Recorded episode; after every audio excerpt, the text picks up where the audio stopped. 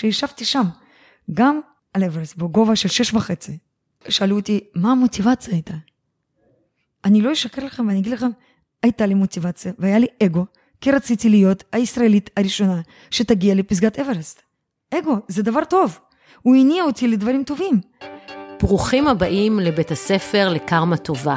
אני עורכת הדין רות דהן וולפנר ואני אדבר איתכם על זוגיות, על גירושים וכמובן על קרמה שהיא בעצם תוצאה. שלום לכם, והיום אנחנו בבית ספר לקרמה טובה עם עורכת דין דניאל וולפסון. דניאל וולפסון היא גם מרתוניסטית, גם איירון מנית, אבל בעיקר היא האישה הישראלית הראשונה שהגיעה לפסגת האברסט. וכששומעים את הסיפור שלה, הקלימנג'ארו שלי היה ממש ממש משחק ילדים. אה, אחרי שככה דיברתי עם דניאל, אה, שיחה מקדימה, אני יכולה לומר לכם שהיא מגדירה מחדש את המונח שורדת. ובואו אה, נשמע את הסיפור הבאמת מעורר השראה שלה ומעצים, ונתחיל מהילדות. אז היי דניאל, איזה כיף שבאת, תודה. שלום, כן, כיף לי להיות פה, ותודה שהזמנת אותי. ואני באמת אשמח לשמוע על דניאל הקטנה, ממש קטנה, שיצאה עם אבא לצוד. אז אה, אבא שלי איש צבא, ומגיל מאוד קטן אה, היינו עוברים אה, מבסיס לבסיס. אז אני תמיד אומרת, חיי נוודות כבר גיליתי בגיל מאוד צעיר. אז כשהייתי בת חמש, שלחו את אבא שלי לבסיס במונגוליה, ולאחר מכן הוא היה טייס, ולאחר מכן מספר פעמים היה עשה גיחות לאפגניסטן, כשעוד הייתה אז מלחמה, ורוסיה נכנסו ל... לעזור במלחמה הזו. ובגיל חמש אנחנו עברנו למונגוליה, חיינו במונגוליה כמה שנים, וככה הזיכרון שלי מאבא, שאבא שלי היה לו הובי, הוא היה אהב לצוד. ו... מה הוא היה צד? הוא היה צד, ארנבים, שועלים. אה, וואי, כמו בסרטים. לא רק היה צד, אחרי זה היה לוקח אותם, מטפל, עושה מזה, מפרווה כובעים, כפפות. אה, כן, ככה היה ההובי שלו, שהיה תולה כל מיני דברים על הקיר. זה היה ההובי שלו שהוא אהב מאוד לעשות, והיו לו מספר אוהבים. ותמיד אה, במשפחה הרוסית אנחנו שלוש בנות, ובנות בכלל שלושה ילדים זה הרבה, ועוד שלוש בנות, אין בן, ואבא שלי רצה בן. אז אני הייתי מעין טומבוי כזה, שימשתי את הילד, את הילד בבית, כי שתי האחיות שלי היו באמת בנות אמיתיות, ואני ככה הייתי יותר, אה, ככה, אה, הילד המשוגע, השובב, והיה לו רובה גם בשבילי. אז הרבה פעמים כשהיינו יוצאים לציד, אז הוא היה לוקח אותי, האחיות שלי לא רצו, הייתי יוצאת איתו, מכינה סנדוויצ'ים לו ולחיילים שלו, וככה היינו יוצאים והיינו יושבים וממתינים. ממתינים, יושבים ביער או באיזשהו אה, חורשה או באיזשהו מקום, שממתינים אה, עד שיבוא, יבוא, איזה, תבוא איזושהי חיה. וככה היינו ממתינים שעות, והוא היה אומר לי סבלנות. סבלנות. זה בטח מאוד לא פשוט לילדה בת חמש לחכות במשך שעות ככה בחוץ ביער. ולא פחדת? לא, לא פחדתי בכלל, אבל אכן סבלנות לא הייתה לי, והוא אמר לי, סבלנות, אין לך סבלנות, תשבי, ש- שקט, סבלנות. וככה הייתי. ודווקא עכשיו, במסע של לאברסט, הסבלנות הזו... שגידלת כבר בגיל חמש בתור אה, עוזרת צייד. כן, הסבלנות הזו כן השתלמה, ובדיוק ככה חיכינו למזג אוויר, לחלון, להזדמנות לנסות להפיל לפסגת אברס, ובדיוק נזכרתי באותה סיטואציה שהייתי שם כשהייתי קטנה וחיכיתי, חיכינו. ביער.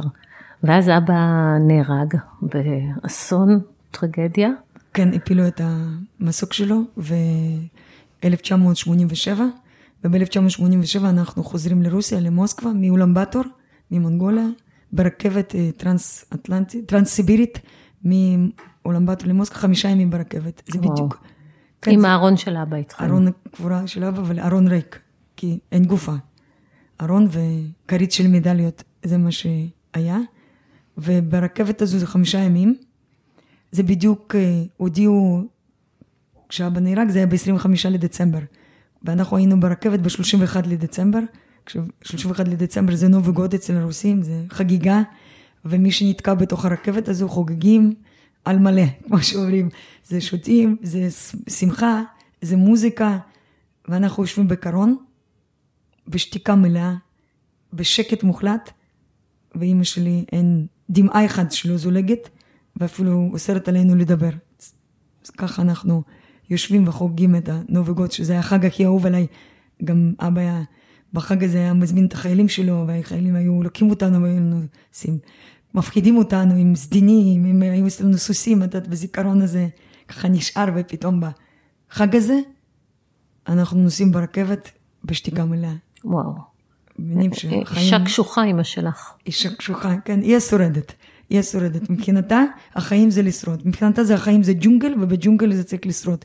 כל מה שאפשר לעשות, זה רק לטובת ההישרדות. ואנחנו חוזרים לרוסיה. היא באמת, היא באמת הייתה שורדת, היא מצאה את עצמה אלמנה בת 37 עם שלוש בנות, נוסעת חמישה ימים עם ארון ריק, אה, מבעל שהוא היה בשבילה בטח הכל, והחיים התחילו, היא הייתה צריכה להתחיל לשרוד.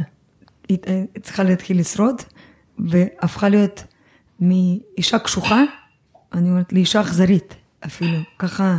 זו החוויה הילד, בילדות שלך. כן, אישה אכזרית, כן, אני, אומרת, אה, החינוך הוא לא פשוט, החינוך אז גם, ההרגלים החינוכיים ברוסיה היו קצת שונים, אפשר לתת מכות לילדים, אפשר גם אה, לצעוק עליהם, אפשר לקלל, זה בסדר, ככה מחנכים את הילד, ככה הוא יהיה יותר טוב. וכל האלמנטים האלו כל, היו, והחינוך, במהלך החינוך שלנו, ואם זה ציון לא טוב, מכות, אם זה בית לא נקי, לא מסודר, מכות, אם זה משהו לא עומד במקום, מכות, כיור, כלים בכיור, מכות, ככה זה היה. וזה היה החינוך, ככה, זה מה שהיא ידעה, וככה היא ידעה להשתלט עלינו, מהמקום הזה. אז אה, לא ניתן להאשים. לא, ברור שלא. כי זה החינוך שהיה. הרבה זמן, המון שנים לקח לי, רק אחרי גיל 18, אחרי שהתבגרתי, לקח לי לעמוד ולהגיד שמספיק, מספיק, אסור, לא, לא עושים את זה. וזה החינוך אחרי שנתיים ומשהו, אה, ברוסיה סבתא, סבתא, אימא של אימא, שהייתה גרה בבלארוס, אמרה, אנחנו צריכים לנסוע לישראל. סבתא הייתה ככה שומרת אה, חגים ישראלים, אה, יהודייה אדוקה, הייתה הולכת לסינגוג, לבית הכנסת במינסק, והייתה שולחת לנו מצות בחגים, בפסח. אז היא אמרה, כשפתחו את השערים בשנות התשעים, אמרה, צריך לעלות לישראל. וככה עלינו לישראל. עלינו לישראל, אימא, סבתא ושלוש אחיות. אני, האחות שלי, האחות תאומה והאחות הגדולה. ככה היינו, כולנו לישראל. ולאן לקחו אתכם? במקרה, לא היה לנו קרובים, אז במקרה הגענו לאזור נווה שרת. אזור נווה שרת זה הצפון אה, תל אביב היום, אבל אז זה לא היה ככה. באזור נווה שרת זה היו, הייתה שכונה לא הכי אטרקטיבית.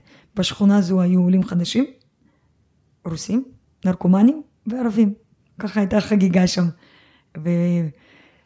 ודווקא המקום הזה, אני הרגשתי וחוויתי ילדות, כי הייתה שם הרבה עולים חדשים, ובמקום כל האזור הייטק שנמצא היום בקריית עתידים, אז היו פרדסים. פרדסים של תפוזים, קלמנטינות והבוטנים, ואני הייתי ראש החבורה, והיינו הולכים עם החבורה, שהייתה החבורה שלי, שהיינו הולכים שם לקטוף את התפוזים וקלמנטינות, והיינו מביאים שקים. וזאת הילדות שהייתה. זה וכל... נשמע גם חלק מהישרדות. הישרדות, בטח היינו מוכרים גם אפילו לחבר'ה, לחבר'ה ערבים, היינו מוכרים, הם היו מוכרים את שקים, השקיות האלה, שבחמישה שקלים אני זוכרת, והיינו מוכרים להם בשני שקלים. הייתי מנהלת את, ה, את האופרציה הזו. כבר אז עשית עסקים. האופרציה הזו, החבורה, כן. ו... מאיזה גיל עבדת? כשהגענו לישראל, אז היינו בנות עשר. יש לך, בוא נגיד רק שיש לך אחות תאומה, יאנה. נכון, יש לך אחות תאומה, זה רבע שעה הבדל בינינו. היום היא גרה עם משפחה בארצות הברית, היום כבר הרבה שנים, כבר מעל 20 שנה בארצות הברית, ויש לה שני ילדים, עם בעל. היא דוקטור לכלכלה, יאנה, ומאוד מוצלחת. והגענו לישראל, וכמובן הגענו עם 100 דולר, היה מותר אז להביא 100 דולר לבן אדם, אז כל אחד, כל, לנפש, 100 דולר ומזוודה של דברים. ככה הגענו לישראל. אז, ולא היה בעצם כלום, חוץ מהסל קליטה שקיבלנו בשדה תעופה. וכמובן רצינו כל מיני דברים, רצינו לקנות לעצמנו, אני ויאנה, כל מיני בגדים, דברים, אז אמא אמרה, אין בעיה. קורת גג יש לכם, אוכל בסיסי יש לכם, תלכו לעבוד. בת לא כמה היית? בת עשר? בגיל אחד, גיל עשר, אבל אחד עשרה התחלנו לעבוד במשתלה, במשתלת פרקים, זה המשתלה בצהלה. כן, זה, היום בצהלה היינו עושים אה, פרחים מלאכותיים כאלה, זירים מפרחים מלאכותיים, ואני זוכרת, התחילו לשלם לנו ארבעה שקלים לשעה, אחרי זה חמישה, שישה, שבעה, אבל חסכנו כסף. חסכנו כסף, לכל מיני דברים, גם לבגדים ולכל מה שרצינו לקנות. אז באותם מונחים, רצינו ללכת אפילו לחוגים היינו. היית צריכה לממן את עצמך. משלמות. שיחקנו אז טניס והלכנו לעוד חוג של ריקודים, אז היינו משלמות, כן. לא היה, לא היה, היה צריך לשרוד. אז התחלנו לשרוד.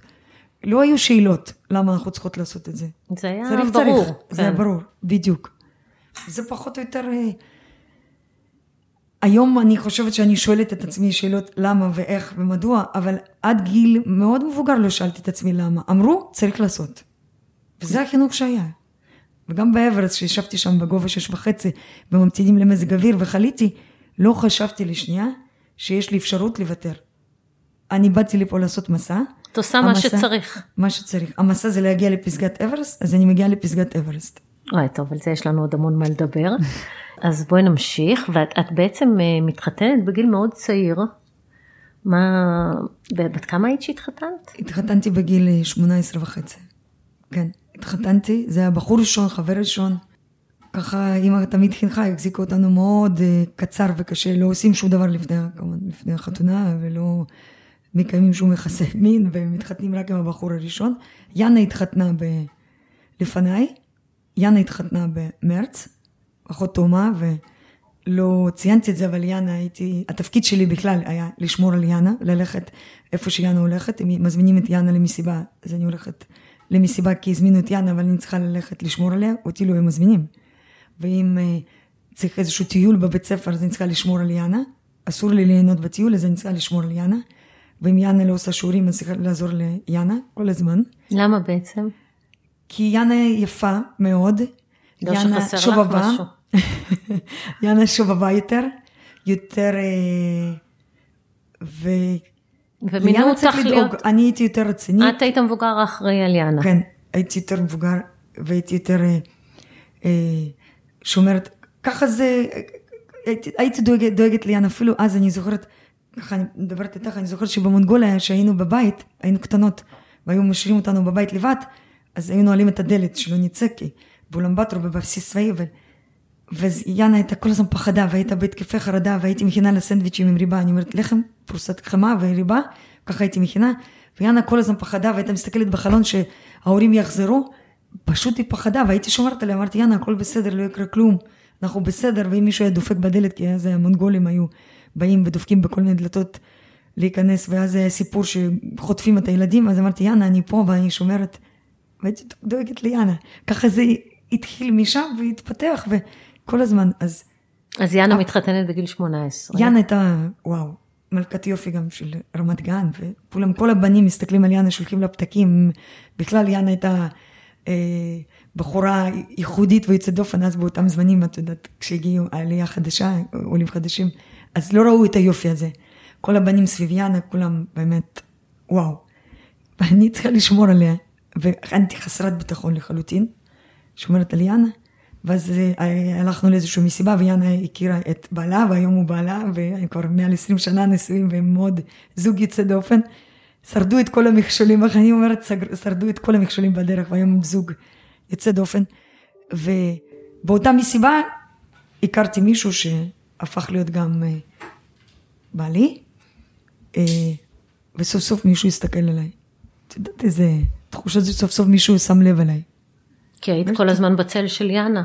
כן, ופתאום במסיבה הזו מישהו הסתכל עליי. בכלל לא הזמינו אותי למסיבה הזו. אני נדחפתי למסיבה הזו, ואמרתי, לא הזמין, אבל אה, יאנה הולכת, אז אני צריכה ללכת. ואז סוף סוף מישהו הסתכל ואמרתי, אוקיי, סוף סוף. זה גיל כזה של הבנות, ו... ו... ו... וכשהוא הציע לי להתחתן, אז אני התחתנתי, אמרתי, איזה מזל שמישהו רוצה. ואימא אמרה, זה בחור טוב. זה בחור טוב, בחור טוב. איך הוא אמר? אה, זה בחור, הוא, לא שותה, לא מעשן, בחור טוב. לא שותה, לא מעשן, לא מרביץ. כן, בחור טוב. אבל היא אמרה, לא שותה, לא מעשן, זה בחור טוב. אבל לימים זה... והתחתנתי, התחתנתי, ואני אגיד לך, אפילו ביום החתונה לא רציתי להתחתן, לא היה מספיק אומץ להגיד את זה. לא היה לי מספיק אומץ להגיד שאני לא רוצה, לא היה לי מספיק אומץ לשמוע לקול הפנימי שלי ולשאול את עצמי את השאלות האלה. לא היה לי מספיק אומץ לשאול את השאלות. רק היום אני מסוגלת לשאול את השאלות, ובאמת, האם אני רוצה או לא רוצה. אז לא היה.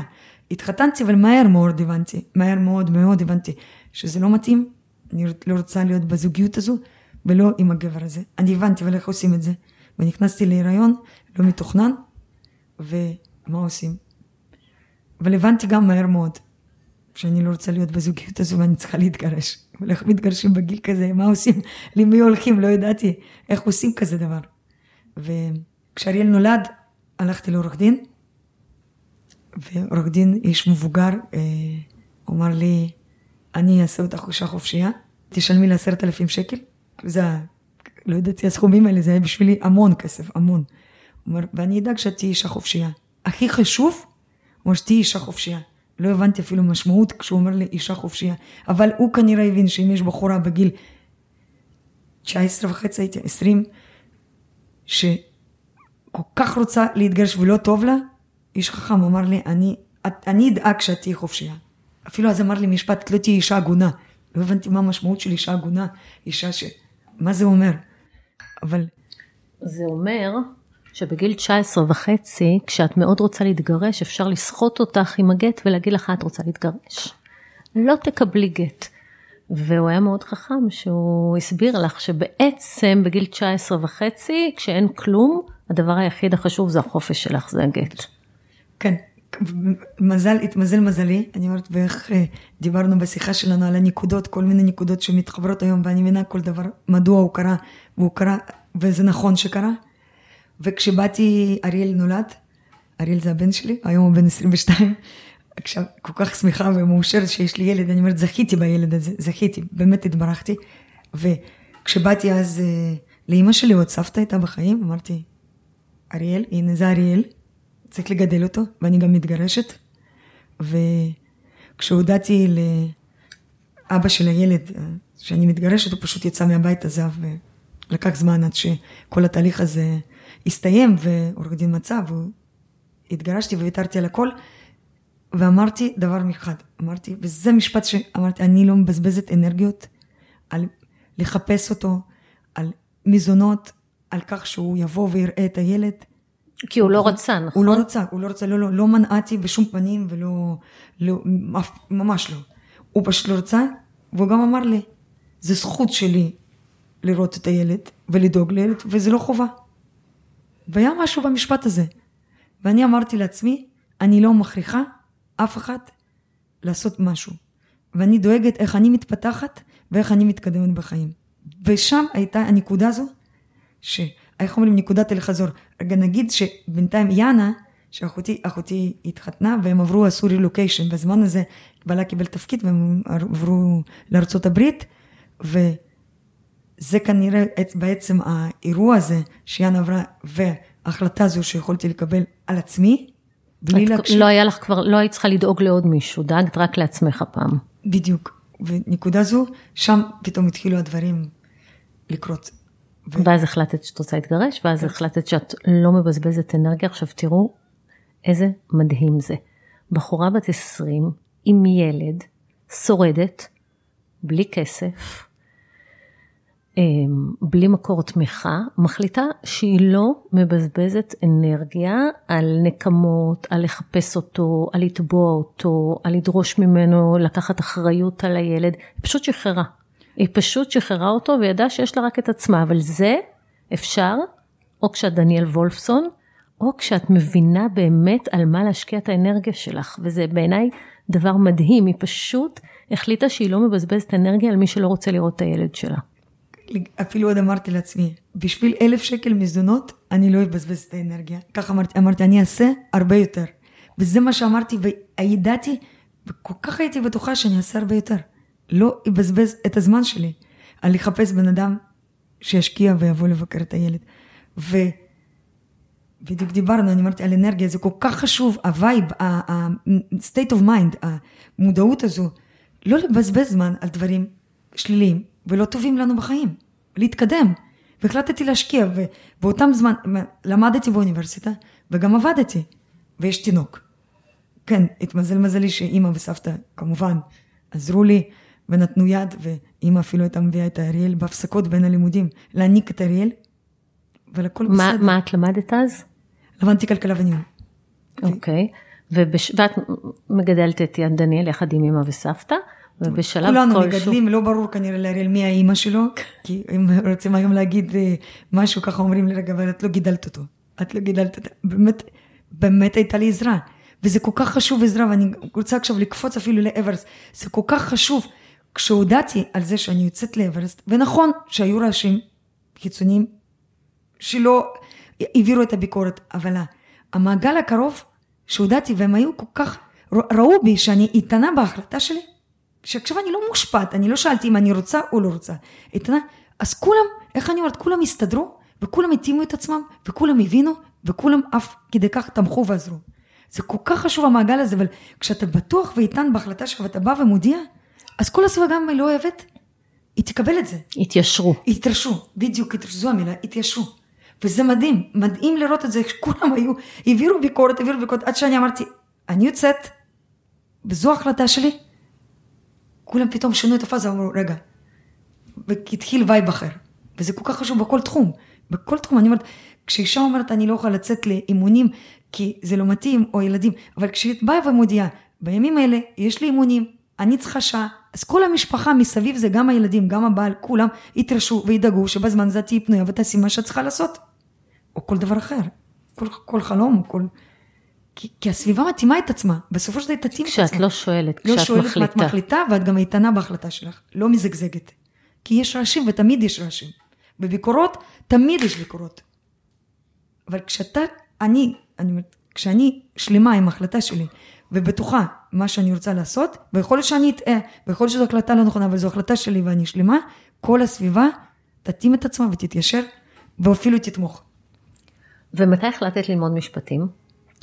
משפטים החלטתי ללמוד כשכבר הייתי, אחרי, היה לי כבר תואר בכלכלה וניהול, עבדתי כבר בבנק ולאחר מכן עבדתי בחברת הייטק, ושם נחשפתי בכלל לתחום משפטי, הייתה אפילו מחלקת מחלק משפטית בתוך החברה, ולקוחות כל הזמן היו דנים על הסעיפים והאחוזים, והבנתי, רגע רגע, אני נמצאת פה, גם זו הייתה תקופה של, תקופה של כל הזמן הייטק ו- ו- ובועה ופיטורים ומתאימים לתפקיד לא מתאים, הבנתי, יש לי פה חוסר יציבות לגמרי, מה אני עושה עם זה? אני צריכה מקצוע. איזה מקצוע יש לי? השורדת. השורדת התעוררה, אמרה, יכולים לפטר אותי, אני צריכה מקצוע שאי אפשר... אה, בדיוק.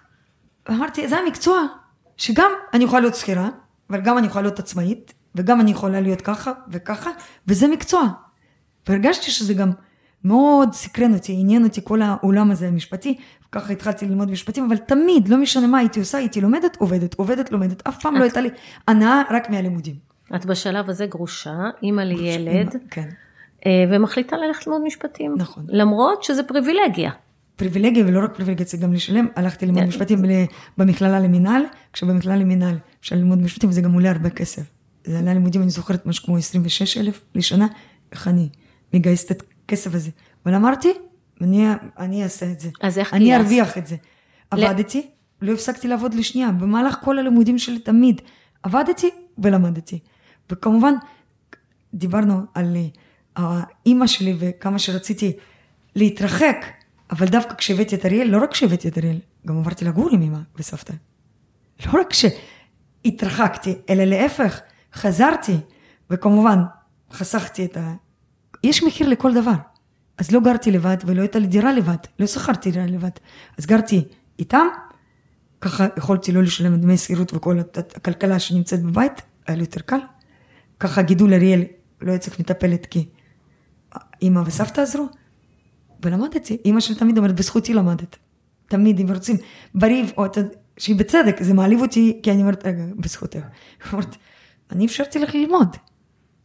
כן, אבל היא אפשרה לך ללמוד מצד אחד, מצד שני לא היה חלום שכסף מנע ממך אה, להגשים. ממש לא. את השגת, את היית צריכה כסף, את הלכת לעבוד ואת השגת, ואת היית צריכה בשביל זה לעבור לגור עם אמא וסבתא, למרות שזה ממש לא מה שרצית, עשית את זה כי הייתה לך מטרה. לגמרי, לגמרי, ולא חשבתי אפילו, מישהו יכול לעזור.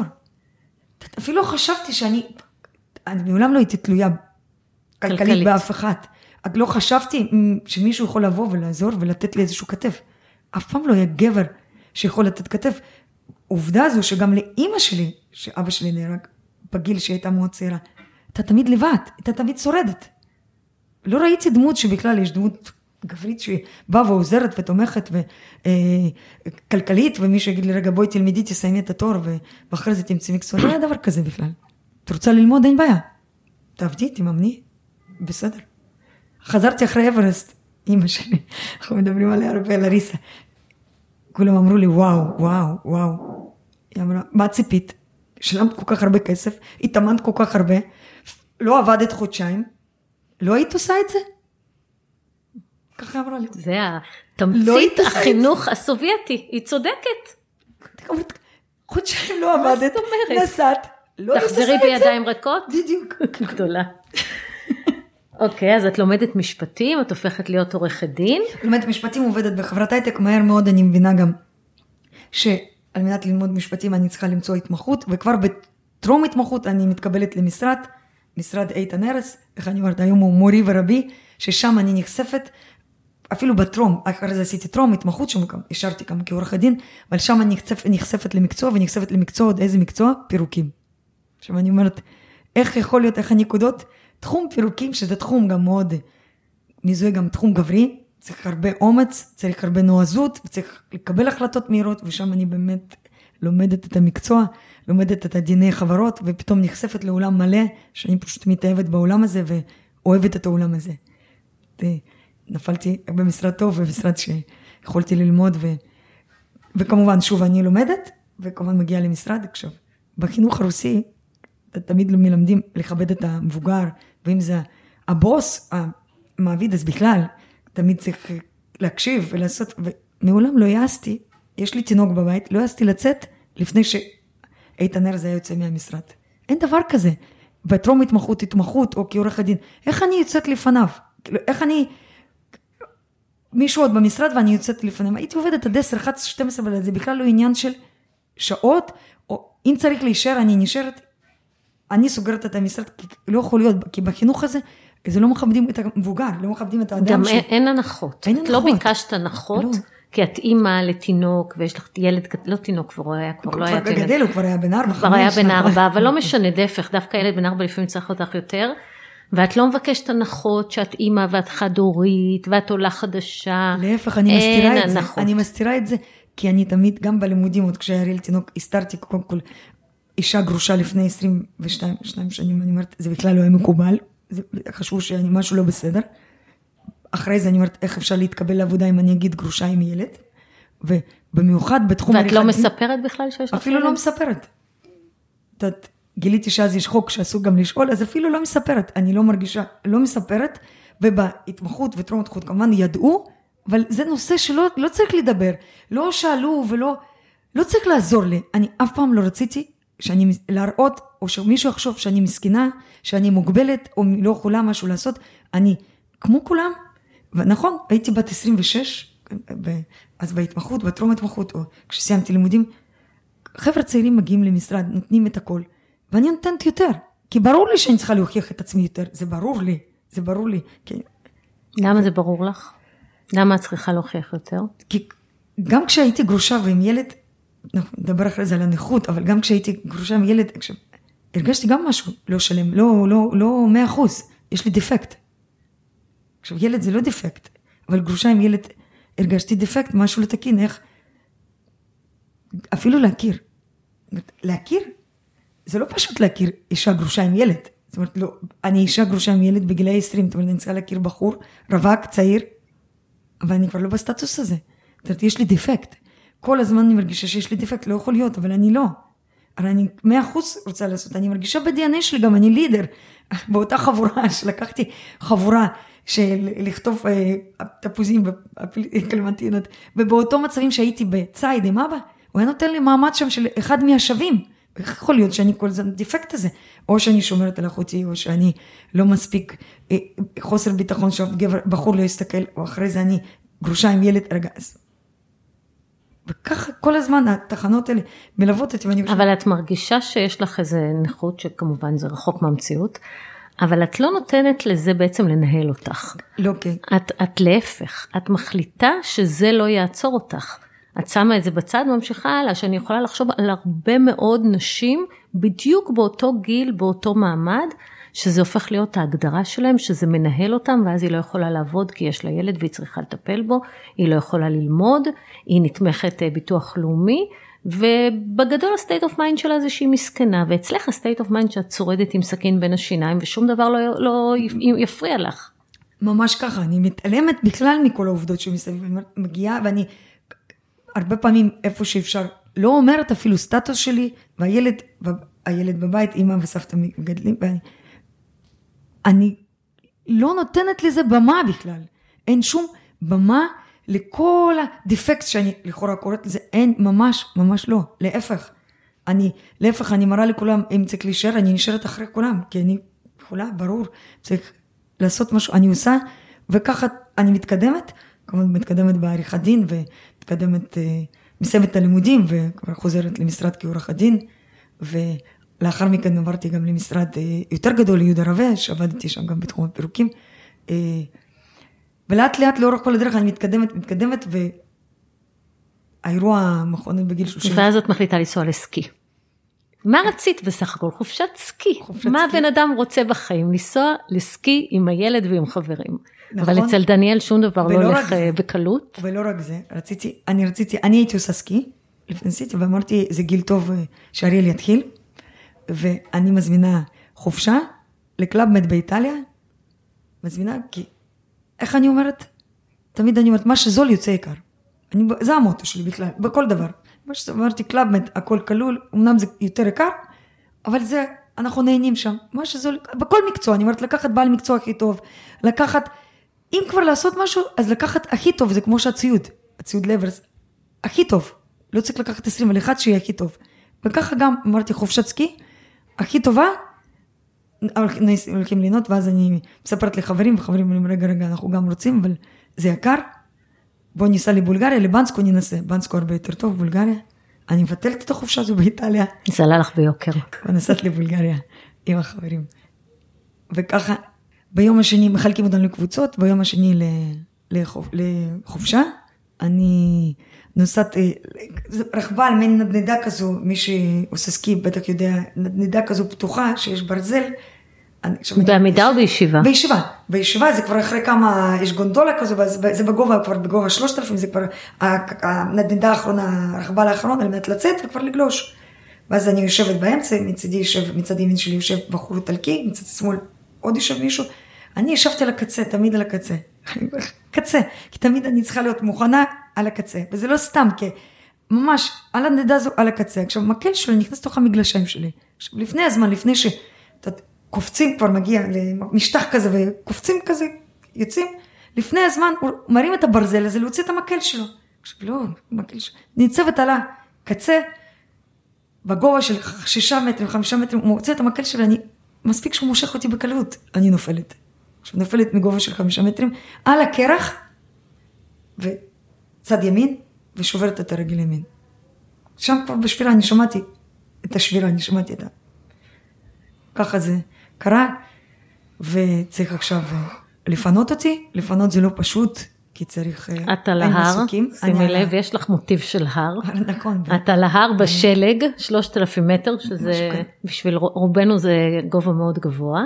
ואי אפשר להגיע אלייך, נכון? אי אפשר להגיע, זה גם קרח, אני נופלת על קרח, עכשיו אפשר להגיע, זה רק עם האופנוע שלג מיוחד כזה, אין שם מסוקים. מגיע אופנוע עד שמגיעים, ועד שצריך לעטוף אותי, לסגור, לקבע, ואז מורידים אותי, לוקח זמן המון להוריד, ואז גם אה, לקחת אותי משם לבית חולים לסופיה, וכמובן צריך, ביום הזה צריך גם לנתח. עכשיו, הבן שלי נשאר עם חברים, לוקחים אותי לבד, וצריך לנתח, אבל על מנת לנתח, בגלל שעצם נשברה, עצם הכי גדולה זה עצם ירק שהיא נשברה, אז עכשיו צריך, היא נשברה וצריך לאשר אותה. אז לפני שמנתחים, קודחים לי ליד הברך מצד אחד, קודחים, מעבירים חבל על מנת לשים את המשקולת, 50 קילו כל הלילה, שזה יאשר טיפה את העצם, שמחר, למחרת יכלו לעשות ניתוח ולשים פלטינות ברגל. טוב, זה נשמע אינקוויזיציה. זה, זה נשמע אינקוויזיציה וזה בבולגריה, זה, זה אני אומרת בתנאים פרה-היסטוריים. בלי הרדמה, עם הטשטוש. בלי הרדמה? כן, עם הטשטוש, כי עושים את זה בערב, כי למחרת צריכים לנתח, ולנתח חייבים כמה שיותר מהר, כי לקבע את העצם. כי לא טוב עם מקבים, כי יש השלכות רבות. ועושים את התהליך הזה, אני לבד שם, במחרת מנתחים, עכשיו מנתחים אותי עם סיפור גם בפני עצמו עם אפידורל, הניתוח יצא מעל ארבע שעות, וגם צריך, לפי חוקי ביטוח, גם צריך להיות שם לשכב מעל שבוע בבית חולים, עד שיכולים להטיס אותי לישראל. וככה אני שם שוכבת. כל הזמן מזריקים לי מורפיום, הרגל נפוחה בפוזיציה של למעלה. לא, לא מדברים איתי, לא... קצת אנשים יודעים רוסית, אני דוברת רוסית, אז קצת, אף אחד לא כל כך מסביר לי, לא, רופאים שם לא אומרים לי אם אני אלך, לא אלך, לא, לא אומרים כלום. שוכבת שם, כי צריך לפי החוקי ביטוח להחזיק אותי לבד בחדר גם, יש שם שתי מיטות אבל לבד בחדר, ולהיות שם אני בלי טלפון, בלי טלוויזיה, בלי שום דבר, ממש לבד. עכשיו, אין לי עם מי לדבר, זה לא ש... וככה אני שוכבת ואומרת לעצמי, לא, לא, אני עוד אראה לכולם. אני עוד אראה לכולם, אני עוד אעשה אברסט. עכשיו, לא ידעתי כלום, אבל דבר על אברסט. חוץ מאברסט, שזה הר הכי גבוה בעולם, עוד בגיאוגרפיה למדתי. היית צריכה את המחשבה הזאת בשביל לשרוד. הייתי צריכה להיאחז, כן. להיאחז במשהו, ממש להיאחז במשהו. ו... ודווקא באברסט? ככה זה יצא, ככה זה, המחשבות, את יודעת, את שוכבת שם, לא שולטת כל כך על המחשבות, כל מיני מחשבות. אני זוכרת ששכבתי שם במקומה תשע, והגיעה מנקה לנקות את החלונות, אותי לא ניקו, לא ניקו כלל, אבל מנקה הגיעה לנקות את החלונות בקומה תשע. הנוף היה גם שם, לא ראיתי נוף, הייתי רחוקה מהנוף, ואני מסתכלת, אני אומרת, כאילו, אלו החיים? ולא מבינה גם מתי הטיסו אותי חזרה לישראל, לא הטיסו אותי לישראל לחזרה, לא ברור לי, אני עולה לכולם. אני עוד אעשה אברסט. כל כך מתבייש להגיד שאפילו לא ידעתי איפה אברסט נמצא, ידעתי באסיה, לא ידעתי כלום, אבל כלום. לא הייתי הולכת להרים, לא הלכתי אף פעם עם תרמיל. וככה בגיל 33, אני עם רגל מרוסקת, חוזרת לישראל, מאשפזים אותי בתל השומר, אומרים, הרופאים אומרים, תקשיבי, אי אפשר לדעת, את תלכי, איך תלכי, תהיי צולעת, לא צולעת, יהיה לך קיצור, קיצור, אי אפשר לדעת, רק סבלנות. עוד פעם סבלנות, רק סבלנות, איזה סבלנות יש לי, אני רוצה ללכת, אישה צעירה. וככה זה נמשך. השיקום לקח מעל שנתיים.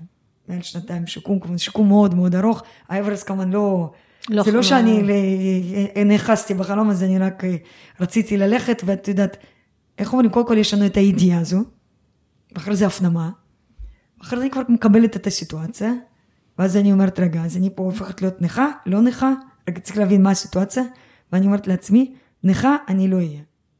לא אהיה נכה. אני אעשה את הכל שאני לא אהיה נכה. לא יהיה לי שום דפקט. זה חלק כבר מהחיים שלי. זה לוקח לי גם זמן להבין שזה חלק מהחיים שלי. הפלטינה שנמצאת ברגל שלי, זה חלק מהחיים שלי ואני צריכה לחיות עם זה. שאני צריכה לקבל את זה. לקבל את זה וככה צריך להמשיך להיות. וזה אותו מרוץ לילה שהיה מרוץ לילה בתל אביב, אחרי שיקום כל זמן. כמה זמן אחרי התאונה את עושה מרוץ לילה? שזה גם שנים. לא יום. שלוש שנים. שנים. קצת פחות, כן, כמעט שלוש שנים.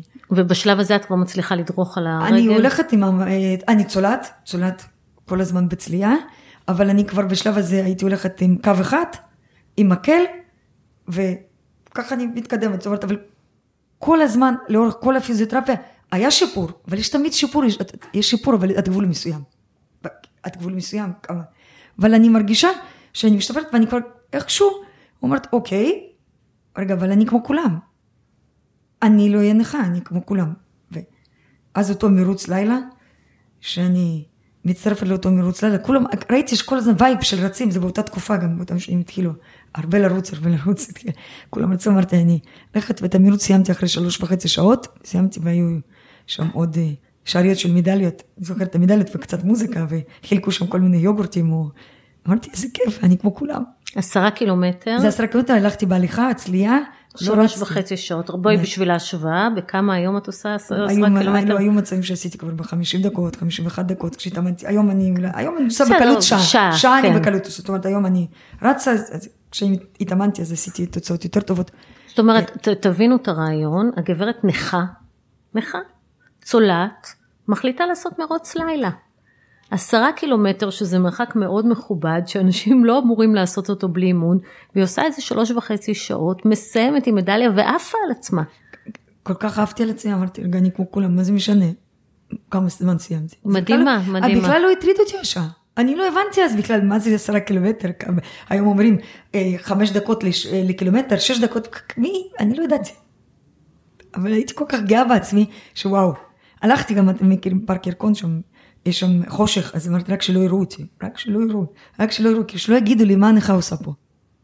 מה הנכה הזאת עושה פה. עכשיו, ברור שאף אחד לא היה אומר, אבל אני, זה עם הקול הפנימי שלי, שהוא כל הזמן היה בתוך תוכי. yeah, מצד אחד פחדת שלא יראו אותך, מצד שני עשית את זה. עשיתי את זה, אבל הלכתי בצד, בצדי הכביש, אמרתי רק שאם ישאלו, אני... אני דרך אגב ראיתי אותך באותו מרוץ, סתם. גם אני הייתי שם, אבל לא הכרנו. יכול להיות. וככה זה, ואז הבנתי, רגע, אז חיפשתי קבוצות, חיפשתי קבוצות, אמרתי, רגע, קבוצות, אין קבוצות. רגע, אז. אחרי המרוץ אמרת, וואלה, זה מה שאני רוצה. לרוץ. לא, לא ידעתי, אמרתי, צריך ללמוד לרוץ, וואו, איזה כיף. איזה זה פה משהו, זה כיף. הבחורה עם פלטינה בירך, צולעת, ומחליטה שהיא רוצה לרוץ. רגע, עד עכשיו עשיתי הרבה פיזיותרפיה, זה לא. עשיתי הרבה פיזיותרפיה, עבדתי על הרגל, אבל זה לא היה אימונים של זה לא היה ספורט. אקסטרים, וכן. לפני זה התאמנתי, גם סיפרתי, כשהייתי ילדה, שיחקתי טניס, והייתי הולכת לחוגים, וגם כשהתבגרתי, אז הייתי הולכת לחוגים, הייתי עושה ספינינג וחוגים. בכלל לא הייתה חשיבות כל כך משמעותית כמו שהיום, זה החשיבות בכלל לחיים, לחיים הבריאים וספורט. ואז אמרתי, רגע, צריך קבוצה, קבוצת נכים, יש כזה דבר? חיפשתי, אין. אין. אז באותם זמנים הסתכלתי, אין. ואז נרשמתי לקבוצה, קבוצה בתל אביב, ואיך אני אומרת נקודות? כנראה נקודות, אוסף נקודות, נרשמתי לקבוצה של... אמרת, פגשת כמובן דניאל קרן, דניאל קרן שהוא המתאפס, המתאפס, עשה כמובן פסגת אברס ועשה המון המון פסגות רבות ואתגרים, אחד האנשים הבולטים בתחום הטיפוס ובספורט אתגרי, והוא גם מאמן ריצה ויש לו קבוצת ריצה. ואני ככה נרשמתי, מתחילים, ולומדת לרוץ. לומדת לרוץ, וקצת חלק לרוץ, חלק הולכים, חלק... ווואו, זה פשוט תחושה אדירה להיות בכלל חלק ממשהו, כי עד אז לא הייתי חלק ממשהו, חלק הייתי עובדת כי צריך לעבוד, הייתי אימא כי יש לי ילד, אבל לא הרגשתי שחלק ממשהו. עכשיו אני גם מבינה היום למה אנשים רוצים להיות שייכים לקבוצות ריצה ולקבוצות טריאטלון וקבוצות, כי זה, אתה ש- חלק ממשהו. ואחרי כמה חודשים אה, דניאל אה, הוציא משלחת, משלחת, זה, אני אוהבת את המילה, זה משלחת מסע לרומניה. את בשלב הזה כבר הצלחת לרוץ, כבר רצתי הרגשת שאת חלק- אחרי קצת- הפציעה. לא, הפציעה תמיד מלווה אותי, גם היום היא מלווה אותי, ולפעמים יש לי אפילו את הרגל שהיא כבדה, או עומס על הרגל, אבל זה חלק ממני, אני לא מתייחסת לזה. וגם יש היום, נגיד היום, יש, לפעמים על אחרי עומס אני צולעת, וזה, וזה חלק ממני. היום אף אחד, גם, מי יכול, מה יכולים להגיד לי? זה חלק ממני, אני גאה בזה, זאת אומרת, גאה ממקום הזה שזה חלק ממני, וזאת אני, ואני מרגישה מאה אחוז הכי בריאה ושלמה. זה חלק ממני, ואני עושה דברים יותר ממה שאדם עושה, שהוא בריא ושלם. לגמרי, אז על זה אין ספק ו- לאף אחד. ואני אומרת, זה חלק ממני, לא נותנת לזה, כמו שיש לאדם עיניים כחולות, עיניים חומות, זה חלק ממני. זה אותו חלק ממני, אני לא מתייחסת לזה בכלל. וכמו כואב ראש, אז לפעמים רגל גם כואבת. אותו דבר, אז לוקחת כדור. אני לוקחת כדור, כן. ויצאת פעם ראשונה למסע, למסע, למסע לרומניה, שרומניה היא כל כך ערים גבוהים, אבל יש שם ערים של 2,800, ערי קרפטים, ושם אני, וואו, מרגישה בכלל מגלה את העולם הזה, מגלה העולם של הרים, העולם של מסעות, ושם אנחנו קצת מטפסים, קצת עושים סנפלינג, קצת עושים טרקטורונים, קצת עושים טיפוס חבלים, הכל מקצת, כי זה טיול כזה, חבר'ה, יוצאים חבר'ה ישראלים, ושם אני, וואו, הרגשתי משהו שנפתח לי בתוך התוך-תוכי, משהו נפתח, ואני מרגישה שם leader, אני מרגישה אותו leader שכל הזמן ידעתי שאני leader. אבל לאורך כל הדרך הרגשתי חסרת ביטחון, דפקט כזה, או דפקט כזה, ודפקט כזה, ודווקא פה אחרי התאונה הזו, שזה אכן המקום הכי נמוך שלי. התאונה זה המקום הכי נמוך, והיום אני אומרת, מהמקום הכי נמוך הגעתי למקום הכי גבוה, תרתי משמע, בעולם, בנקודה הכי גבוהה שיכולתי לעמוד, אבל שם במקום הכי נמוך, ודווקא הנקודה הזו טוב שקרתה. התאונה הזו, היא הייתה צריכה לקרות. ויצאתי למסע הזה, לרומניה, כמובן יצאתי אחרי זה למרתון אברס עם דניאל קרן, ויצאתי לעוד ערים ועוד ערים, והתחלתי לחפש. אמרתי, אני ממשיכה לעבוד, כמובן עורך הדין במשרד, אה, משרה מלאה, ואני אמרתי, ערים זה הר אחד בשנה. לנשמה. נשמה, הר אחד בשנה, ואני כבר בקבוצת אה, אה, ריצה, אחרי זה עברתי לקבוצת אה, אה, ריצות של שטח, אחרי זה עברתי לקבוצה של טריאטלון, אמרתי, הר אחד בשנה, אבל לא הסתפקתי בהר אחד בשנה, וכמובן האצתי את כל התהליך הזה, ובשש, שבע שנים האחרונות הקלטתי, זה לא הר אחד בשנה, זה היה שניים ושלושה, ו... אז על איזה ערים. טיפסת? בדיוק, דיברתי, אקנקגואה, מון בלאן, ערערת, קזבגי, אלברוס, איילנד פיק, מרה פיק, זה בנפאל, קילימנג'ארו כמובן. אה, טיפסת קילימנג'ארו? בטח. אבל זה משחק ילדים. לא, לא, זה כל, אין, אין הרים של משחק ילדים, כל הר, קודם כל, כל הר יש לו את הכבוד שלו. בהר כל דבר ודאי הוא שאי ודאות, כל הר זה איתני טבע משלו ובכלל, כל הר אני מתייחסת בכבוד ואם זה הר בגובה של ארבע או בגובה של חמש, זה לא משנה, או שש, כי כל הר הוא, איך אני אומרת? אנחנו אורחים על ההר. ואצל רוסים יש משפט יפה ברוסית, זה נשמע מאוד יפה, אני אתרגם את זה לעברית. ההר צריך לאפשר להגיע לפסגה, אבל הוא צריך לשחרר, לרדת. וההר הזה, זה, הוא השולט. כשאנחנו באים, אנחנו כמו בבית, אצל האורח, אנחנו כמו אצל המארח, אנחנו עורכים על ההר. כל הר, זה לא משנה איזה הר, אם זה הרים בגובה של אלפיים, או גובה של ארבעת אלפים, או גובה של שמונת אלפים. אנחנו רק עורכים שם. כאלה גרגירים קטנים. ו... הר יכול לאפשר לנו להגיע, לארח, לארח אותנו ויכול. והוא צריך גם לשחרר אותנו, שחרר, כדאי שחרר, שישחרר אותנו. שחרר, והכי חשוב לשחרר ושיאפשר לרדת ולספר את הסיפור ולחלוק את החוויה. כי, לא יודעת, עוד לא הספקנו לדבר, אבל אני רוצה להגיד, קודם כל, לאלפיניסטים יש המון אגו, ובכלל לכל האנשים יש אגו, קצת מתביישים לדבר על זה, אבל יש המון אגו.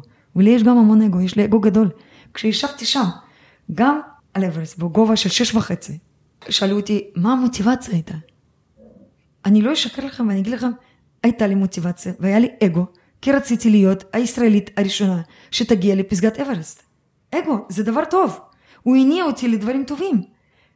אז יש לי אגו, ומאגו גם עשיתי דברים. ורציתי, אני בחינוך רוסי התביישתי לדבר בכלל על האגו, או אם אני רוצה משהו ולהקשיב לעצמי, אבל עם השנים הבנתי. צריך לשאול את עצמך, מה בא לך? האם את רוצה? ולשאול את כל השאלות האלה. וכי התשובות כבר יש. תשובות, כל התשובות יש. כל התשובות כבר קיימות. רק צריך לשאול את השאלה הנכונה ויהיו תשובות. וגם שם, באותו אירוע באברסט בשש וחצי, בקמפ שתיים, גם כשהייתי חולה, שאלתי את עצמי, רוצה או לא רוצה? ברור שרוצה, וברור שאני רוצה להגיע לפסגה, וברור שאני רוצה להיות ראשונה. ועם הכוחות האלה, וככה המשכתי. ואז את, את מחליטה אה, להגשים את הפסגה בעצם, שזה פסגת האברסט, פסגת העולם אפשר לומר. אה, ספרי קצת על התהליך. התחלתי לטפס. רגע, אה, לפני, אה, התחלתי לטפס על הרים. התחלתי לטפס, כן, התחלתי לטפס הרים. לא האמנתי ולא יכולתי להאמין שבכלל אני יכולה לעשות אברסט. קודם כל לא האמנתי שאני יכולה לעשות את זה. זה נכון שעם דניאל קרן דיברתי רבות על אברסט, והוא סיפר ואמרתי, זה אדם שיש לו כוחות על, זה, זה, זה, איך אפשר לעשות את זה? ולא האמנתי שזה אפשרי, אבל ככל שהתקדמתי וככל שיותר למדתי ולקחתי המון גם קורסים, קורסים אלפינים באירופה וגם קורסים סלעים, ועשיתי, כל הזמן למדתי ולמדתי וקראתי, וקראתי עוד מאמרים וקראתי מחקרים ועקבתי אחרי אנשים ש... עושים את זה, עשו את זה, כתבתי מיילים אפילו לאנשים, וכתבתי, רציתי לדעת, לדלות אינפורמציה, ולהבין איך עשו את זה, ואיך להתכונן לזה. עכשיו, איך בכלל להתאמן לזה. ולפני שלוש שנים, כשיצאתי למשלחת אה, עם החבר'ה הרוסים, פעם ראשונה, אה, יצאתי, ואז לדרום אמריקה, לאקנקגואה, היו שם אנשים שעשו אברסט.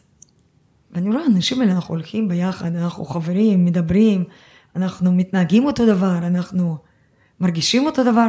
סויברס, אמרתי, רגע, הם גם אנשי עסקים? אמרתי, רגע, הם עשו, אולי גם אני יכולה.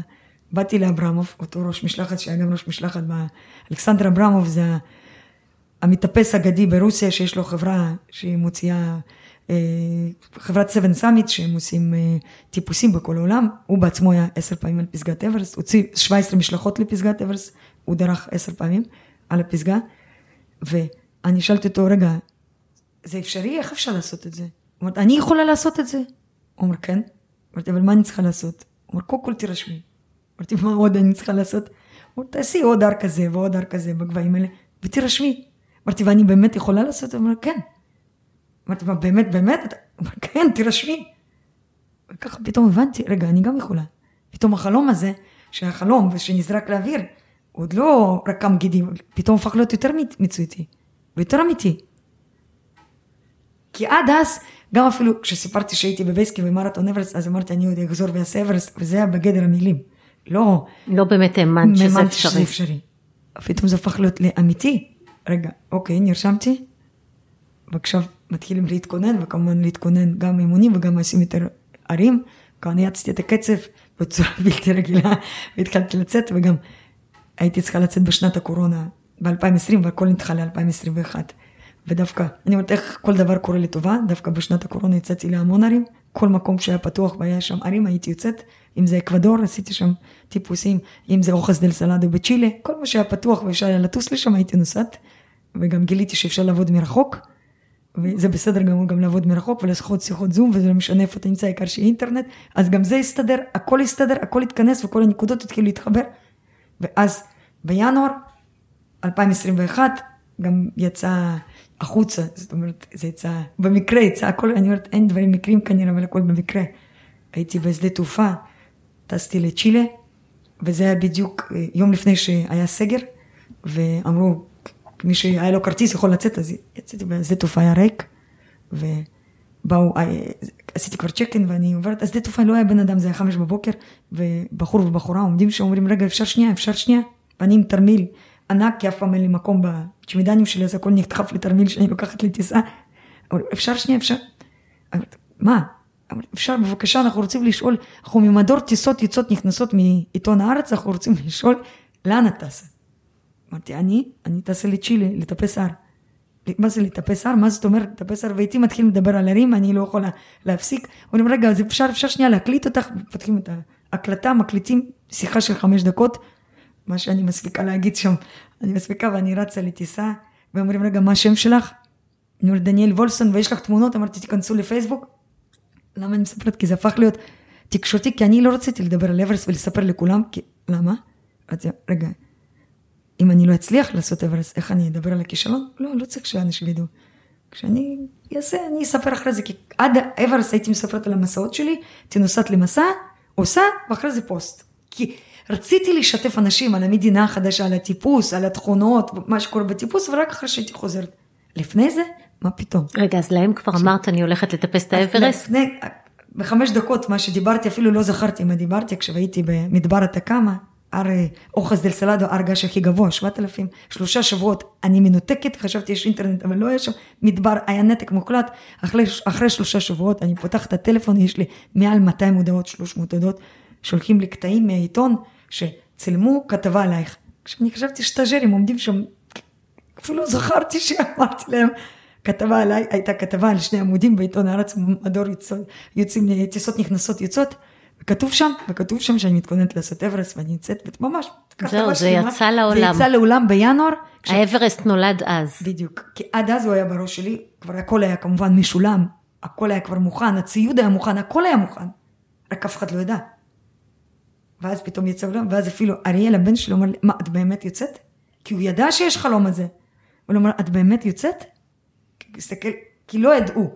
אז מה, מה זה בעצם עשה? זה שפרסמת את זה מראש? לא התכוונת לפרסם, לא אבל התכוונתי. פרסמת, התפרסם, יצא שחור על גבי הארץ, דניאל וולפסון עומדת לטפס על האברסט.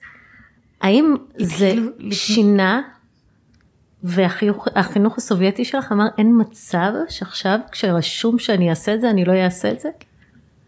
קודם כל, אה, כן, אבל לפני זה, אני אמרתי, איזה אלוהים, למה אמרתי את זה? למה אני אמרתי כזה דבר? כי עכשיו אני אמרתי, רגע, אם אני לא מצליחה, איזה בושות. איזה בושות ואיזה זה כישלון. ואת לא נכשלת. וכל העיתונים פתאום התחילו לפנות אליו, אנחנו רוצים לראיין אותך, לראיין, אמרתי, אני לא רוצה, לא רוצה. תנו לי לחזור. לא רק תנו לי לחזור גם, לא יכולתי לחזור, כי באותה תקופה היה סגר, אי אפשר לחזור לישראל, אני חוזרת לישראל, אני לא זוכרת, באותה תקופה גם הישראלים לא יכלו לחזור, זה בתחילת השנה היה, אני חוזרת לישראל אחרי הר אוחז דל סעד שהייתי צריכה לחזור ב-31 לינואר, אני נתקעת, נוסעת לאחותי יאנה, לארצות הברית, וגם נוסעת לרוסיה, ורק אני חוזרת ב-15 למרץ. עכשיו, לא רק שאני חוזרת ב-15 למרץ, ב-10 לאפריל אני צריכה לצאת ל-8 לאפריל, למסע לאברסט. ואני חוזרת וכולם רוצים לדבר איתי וכולם רוצים לראיין, עכשיו כל עוד אני בחו"ל אז אומרים רגע אנחנו מחכים שתחזרי, מחכים שתחזרי, וככה זה מתחיל ואני אומרת רגע זה כבר לא שלי, זה כבר הפך להיות ל, ל, של כולם, ואני כבר פה צריכה לתת דיווח וצריכה לספר וצריכה, ואם אני לא אצליח? זה היה בכלל אופציה? יש לא. אצלך אופציה לא הייתה להצליח? לא. קיים. לא הייתה אופציה, ושם ברגעים האלה, כשישבתי על ההר ומזג אוויר, ויכלו לקרות הרבה גם נסיבות שלא תלויות בי. מזג אוויר וסופה זה לא תלוי בי. אני יכולה להיות הכי חזקה והכי מוכנה וזה לא תלוי בי. ואני כבר, עוד שש וחצי, כששישה ימים אנחנו יושבים שם מחמתים למזג אוויר, לא רק זה, אני גם מתכננת כבר את המסע לשנה הבאה, כי אני מבינה, המזג אוויר יכול לא לאפשר. אני חולה, ואני כבר בראש מתכננת איך אני עושה את זה שנה הבאה. אבל התחושה הזו שלא להצליח וכישלון, היא נוראית בשבילי. היא נוראית להתמודד עם זה ואיך לספר לכולם. בעצם את אה, אפריל 21 יוצאת לאברסט, ו... כן, יצאה כבר כתבה בעיתון, וכבר ערוץ אה, 13 כבר לקח וקצת צילמו אותי לפני זה, ורצו ככה לספר סיפור שלי לפני זה. אמרתי, רגע, עכשיו ישדרו בטלוויזיה סיפור לפני זה, כשאני שם, לא הצלחתי, איזה בושות. אני צחקתי, כי במשלחת הרוסית הזה אני צחקתי, אמרתי, תקשיבו, אני האחרונה שסוגרת פה שלטר. אמרתי, עד שאני לא אגיע לפסגה, אני לא חוזרת. אמרתי, אם זה בעונה הבאה, אז אני אשב פה עד העונה הבאה. כי צחקנו, צחקנו עם החבר'ה, אמרתי, אני פה ממתינה גם עד העונה- הבאה. אמרתי, אני לא חוזרת. זה היה מצחיק. הטלוויזיה מחכה לך. מצחיק, אבל זו הייתה הכוונה, למרות שאני רוצה להסביר, לא הייתי תלויה באף אחד, בשום גורם. זאת אומרת, אני כמובן מימנתי את זה בעצמי, מכספי, זה לא שהייתי מחויבת למישהו, שום דבר. גם אם חזרתי והייתי אומרת, רגע, נכשלתי, אפילו לא נכשלתי, המזג אוויר לא אפשרו, חליתי, זה בסדר. אני לא יכולתי לקבל את זה. עכשיו הרגשתי שזה, מעבר ליכולות שלי, זה כבר יצא החוצה. וככה זה הרגיש וככה זה היה. ו, ו, והיו משברים, אה, משברים שם, ואני לא חשבתי על לוותר. לא חשבתי לשנייה. נו, אז בואי, בואי. תספרי לנו מה, אה. מה, מה קורה שם באוורסט. הקלימנג'רו זה משחק ילדים, זה ברור לי כבר. המסע. עצמו, קודם כל, מסע עצמו, אוורסט, אה, האלפיניסטים קוראים לזה, על מנת להגיע לפסגת אוורסט צריך לתפור את ההר. מה זה לתפור את ההר? לתפור את ההר זה צריך לעשות אותו דבר הרבה פעמים. עכשיו, על מנת להתאקלם, והגוף שיוכל להתאקלם ולהיות בגבהים האלה, הוא צריך, צריך ללמד את הגוף להיות בגבהים האלה. אז איך עושים את זה? אז קודם כל מגיעים לקטמנדו, ומקטמנדו מסוק ללוקלה, מלוקלה עד base camp, base camp נמצא בגובה 5350. זה גם טרק. טרק עשרה ימים. גם בטרק הזה, כשנוחתים בלוקלה 2800, מ-2800 עד 5350, הולכים ברגל, טרק, יום יום, מטפסים 500-600 מטרים בגובה לאט, זו גם מעין התאקלמות שכבר התחילה. החל אבל זה טרק, הוא לא בקטנה. מורכב. בקטנה טרק של הולכים חמש, ארבע שעות, נחים וישנים גם ב guesthouse, לאורך עד ה base camp ישנים ב guesthouse. מ base camp, כשמגיעים, נגמרה החגיגה. נגמרה החגיגה, זה מתחילה העבודה, זה 45 ימים, הבית החדש לחודש וחצי, שם ישנים באוהלים. כמובן, base camp זה מלון VIP, לעומת כל מה שקורה למעלה. זאת אומרת, יש שם אוהל גדול יחסית, אוהל לבד, יש שם אפילו, אה, הרי זה נמצא הכל על הקרח, הרי base camp נמצא על קרחון. עכשיו, יש שם אפילו אה, מיטה כזו קטנה שמתקפלת, שקצת יותר גבוהה, על מנת לא לישון על הקרח, אז מיטה קטנה ששמים על זה שק שינה, והרבה יותר נוח, יש שם חדר אה, אוהל שהוא חדר אוכל, יש שם מבשלים שם אוכל, הרבה הכל יותר נוח, יש שם אה, פינוק, חדר, אוהל תקשורת. מקלחת יש? יש, יש אוהל מקלחת שבסופו של דבר התקלחתי רק פעם אחת, אסור להתקלח כי אה, אם יש רוח או מזג אוויר לא טוב אפשר לחלות. עכשיו ברגע שחולים, עכשיו רק אסביר שבגובה כשחולים לא ניתן להבריא, הפתרון היחידי זה לרדת למטה. וזה לא אופציה זה אצל לא דניאל אופציה וולפסון. ולחלות שם אסור, אתה צריך לשמור על עצמך, ואיך אני אמרתי, לא מבזבז אנרגיה. עוד אז כשהבנתי, כשהתגרשתי, לא לבזבז אנרגיה, אז שם בכלל אסור לבזבז אנרגיה. וכמה שפחות תנועות, וכמה שפחות... לקחת לא, סיכונים, אפילו מקלחת זה סיכון. פעם אחת התקלחתי בחודשיים, 56 ימים, כמעט שפעם אחת התקלחתי, שהיה יום שמשי, נתנו לנו להתקלח, ממש במהירות. כי אסור, אסור אה, לחלות שם. ו... ושם מתחילה עבודה. אני אומרת, זו, עבודה. מתחילים מ base camp, camp אחד, ישנים, חוזרים base camp. תופרים את ההר. תופרים את ההר. זה נקרא לתפור. base camp, camp אחד, camp שתיים, ישנים, חוזרים ל base camp. base camp, camp אחד, camp שתיים, camp שלוש, ישנים, חוזרים. וככה מכפילים את זה כפול שמונה. רק שתבינו כמה זה סיזיפי. סיזיפי. אתה ממש, אתה צריך לטפס, אתה מטפס, אתה כבר מרגיש שאתה קרוב לפסגה, אבל לא, לא, לא, אתה חוזר בחזרה ולמחרת עוד פעם. לגמרי. וככה זה והיו אנשים, אני מבינה, שלא עמדו ב... התחלנו, כן, התחלנו 12 איש, אה, אנשים, אה, חלק כבר קיבלו החלטה לפני היציאה ללגה הראשון שוויתרו, חלק קיבלו החלטה שוויתרו אחרי הלגה השני שלישי, חלק אה, אמוציונלי היה להם קשה, נפשית היה להם קשה, וגם מבחינה רפואית, פיזית. הם, פיזית, כן, הם קיבלו החלטות, זה בסדר לקבל החלטה, הכי חשוב בהר לדעת מתי לוותר, זה גם חשוב. עכשיו צריך לדעת מתי לוותר. הר לא סלחני. וצריך לדעת, ואנשים קיבלו החלטה, החלטות עבור עצמן, שזו ההחלטה הכי טובה הייתה. וככה נשארנו חמישה אנשים, אחרי חודש וחצי, אחרי ההתאקלמות, נשארנו, והוחלט שאנחנו יוצאים ללג האחרון, הלג האחרון, שזה בייסקמפ, בייסקמפ קמפ אחד, ישנים, camp שתיים, ישנים. רגע, רגע, אנחנו לא יודעים מה זה. base camp זה בגובה 5,350. ו camp אחד? 600. קמפ 2? 6 וחצי. ו camp 3? 7,300. ו camp 4, 8,000. וזה camp אחרון. camp 4 זה... 8,000, מי שממנו יוצא מה camp האחרון לפסגה. אוקיי, והפסגה בגובה 8,800? 49. 49 מטר, רק בשביל שיהיה לכם אה, פרופורציות, כן. הקלימנג'ארו, שהייתי בטוחה שאני ממש על פסגת העולם, היה פחות מ-6,895 מטר, אז אתם תופרים את ההר, עולים, יורדים, עולים, יורדים, וחודש וחצי. ככה אה, חודש וחצי, על מנת כל זה, על מנת שהגוף יבין שהוא נמצא בגבהים, כי ברגע ששמים את האדם בגובה מסוים, הגוף לא יודע לחיות, והוא פשוט, כל המערכות עלולות להתנתק, פחות מגיע חמצן למוח, ואז המערכות מתנתקות. וזו הסיבה שצריך להתאקלם, והכי טוב להתאקלם בצורה איטית, ואם אפשר, כמה שיותר איטי. בארו בכלל אומרים, ככל שאתה יותר איטי, אתה יותר טוב. לעומת כל מרוצים וריצות מרתון וטריאטלונים ואיירומן, וזה דווקא הפוך, מאוד קשה. לאנשים שעושים איירומן או מרתונים, מרתוניסטים, קשה להיות בר, כי הם רוצים שהכל יקרה מהר, והכל, לסיים הכל מהר. בר הפוך, ככל שאתה יותר איטי, ההצלחות שלך יותר גבוהות להגיע לפסגה. וככה תופרים את ההר, ולאט לאט מתאקלמים, וכל פעם בכל leg הבא, שיוצאים להתאקלמות, יותר קל. ויותר קל ויותר קל. אם פעם ראשונה עשינו את ה base camp ל camp אחד, שבמהלך הזה צריך לעבור קרחון קומבו לקח שמונה שעות, בפעם שנייה זה לקח שש שעות, בפעם שלישית זה לקח חמש וחצי שעות, אחרי זה חמש, כי הגוף יותר מתאקלם, הגוף יותר מבין מה צריך לעשות, וגם הרבה יותר מהר מתקדם, יחסית למה ש...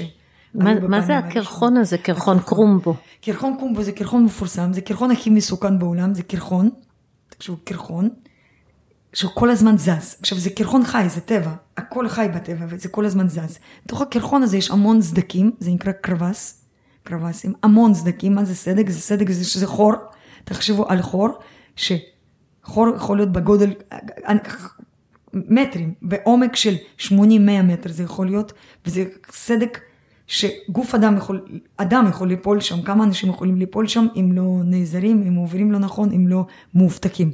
עכשיו יש שם גם סולמות, והקרחון זה כל הזמן זה, זה אומר שפעם ראשונה שעשינו את הקרחון הזה, בפעם שנייה הוא כבר לא נראה אותו דבר.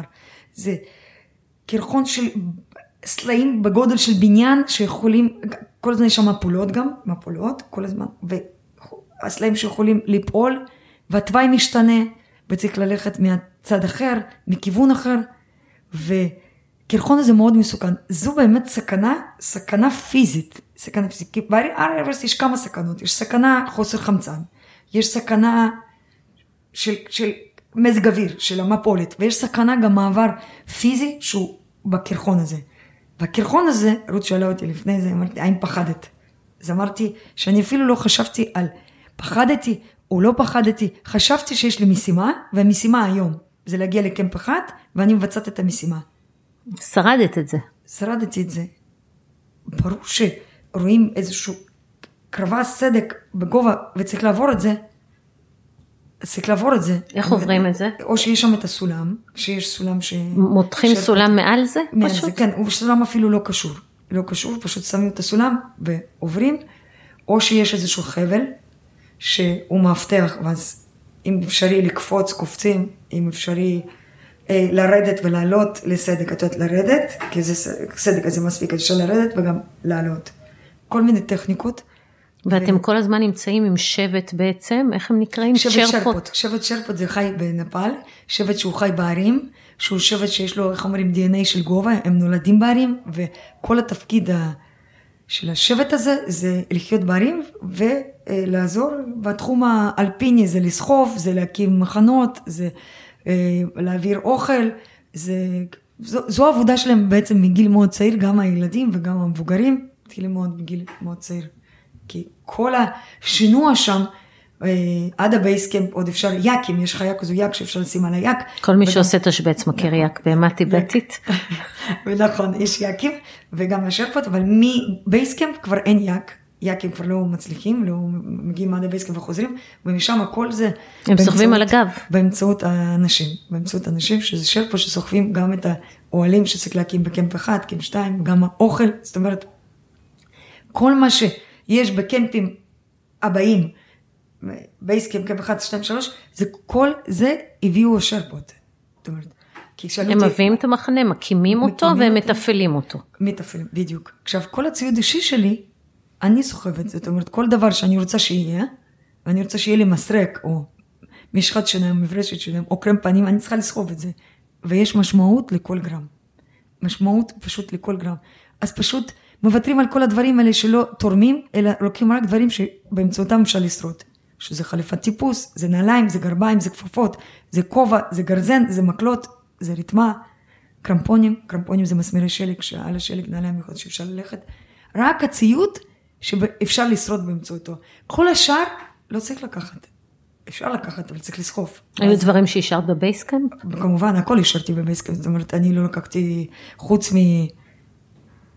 מציוד, מבחינת הציוד הלבוש, הכל נשאר ב base camp. אני לא צחצחתי שיניים שבועיים, ולא החלפתי בגדים מעל שבועיים. לא, מגבונים אפילו לא לוקחים. זאת אומרת, נייר טואלט לא לוקחים. הכל, לא לוקחים כי כל דבר זה משקל, מישהו צריך להביא לשם. זאת אומרת, האוכל, סוחבים שרפות אוכל מה שאפשר, וגם האוכל אוזל. וככל שיושבים שם בקמפים יותר גבוהים, צריך להביא עוד אוכל. ואם לא יכולים בגלל מזג אוויר, אז אין אוכל, אז מצטמצמים באוכל. עכשיו בערים, יש פחות תועבון, פחות אוכלים, וזה גם, לא צורכים הרבה אוכל, אבל יש את המרקים ואת ה... אבל אתה חייב אוכל בשביל אנרגיה גם. כן, אבל מצד אחד חייב אוכל, מנגד... לא עובר לא בגרון. נכנס, לא עובר בגרון. אז אני למדתי פטנט כזה של הג'לים, נגיד שמים ג'לים בתוך התה. עכשיו ג'ל לא עובר בגרון, הוא לא עובר. אז אני שמה את זה בתוך התרמוס, כמה ג'לים, וזה לפחות מכניס איזושהי אנרגיה. או גם צריך לקחת אלמנט של מזג אוויר שזה קר, אז הכל קופא. למשל, סניקרס, שוקולד סניקרס שהיה שם, זה קפוא. עכשיו אפשר לאכול קפוא, זה אפשר לשבור שיניים. שיניים. כן, אז... ובאיזשהו שלב את נהיית חולה. כאילו, אם לא הספיק לנו כל ההישרדות הזאת, אז את גם חייבת להיות חולה. אז אני, ב leg האחרון שהוחלט שמנסים להעפיל לפסגה, הוחלט ב base camp לצאת בשתיים בלילה, והתוכנית הייתה base camp, מגיעים ל camp אחד, ישנים, camp שתיים, ישנים, camp שלוש, ישנים, camp ארבע, ישנים, ואז פסגה.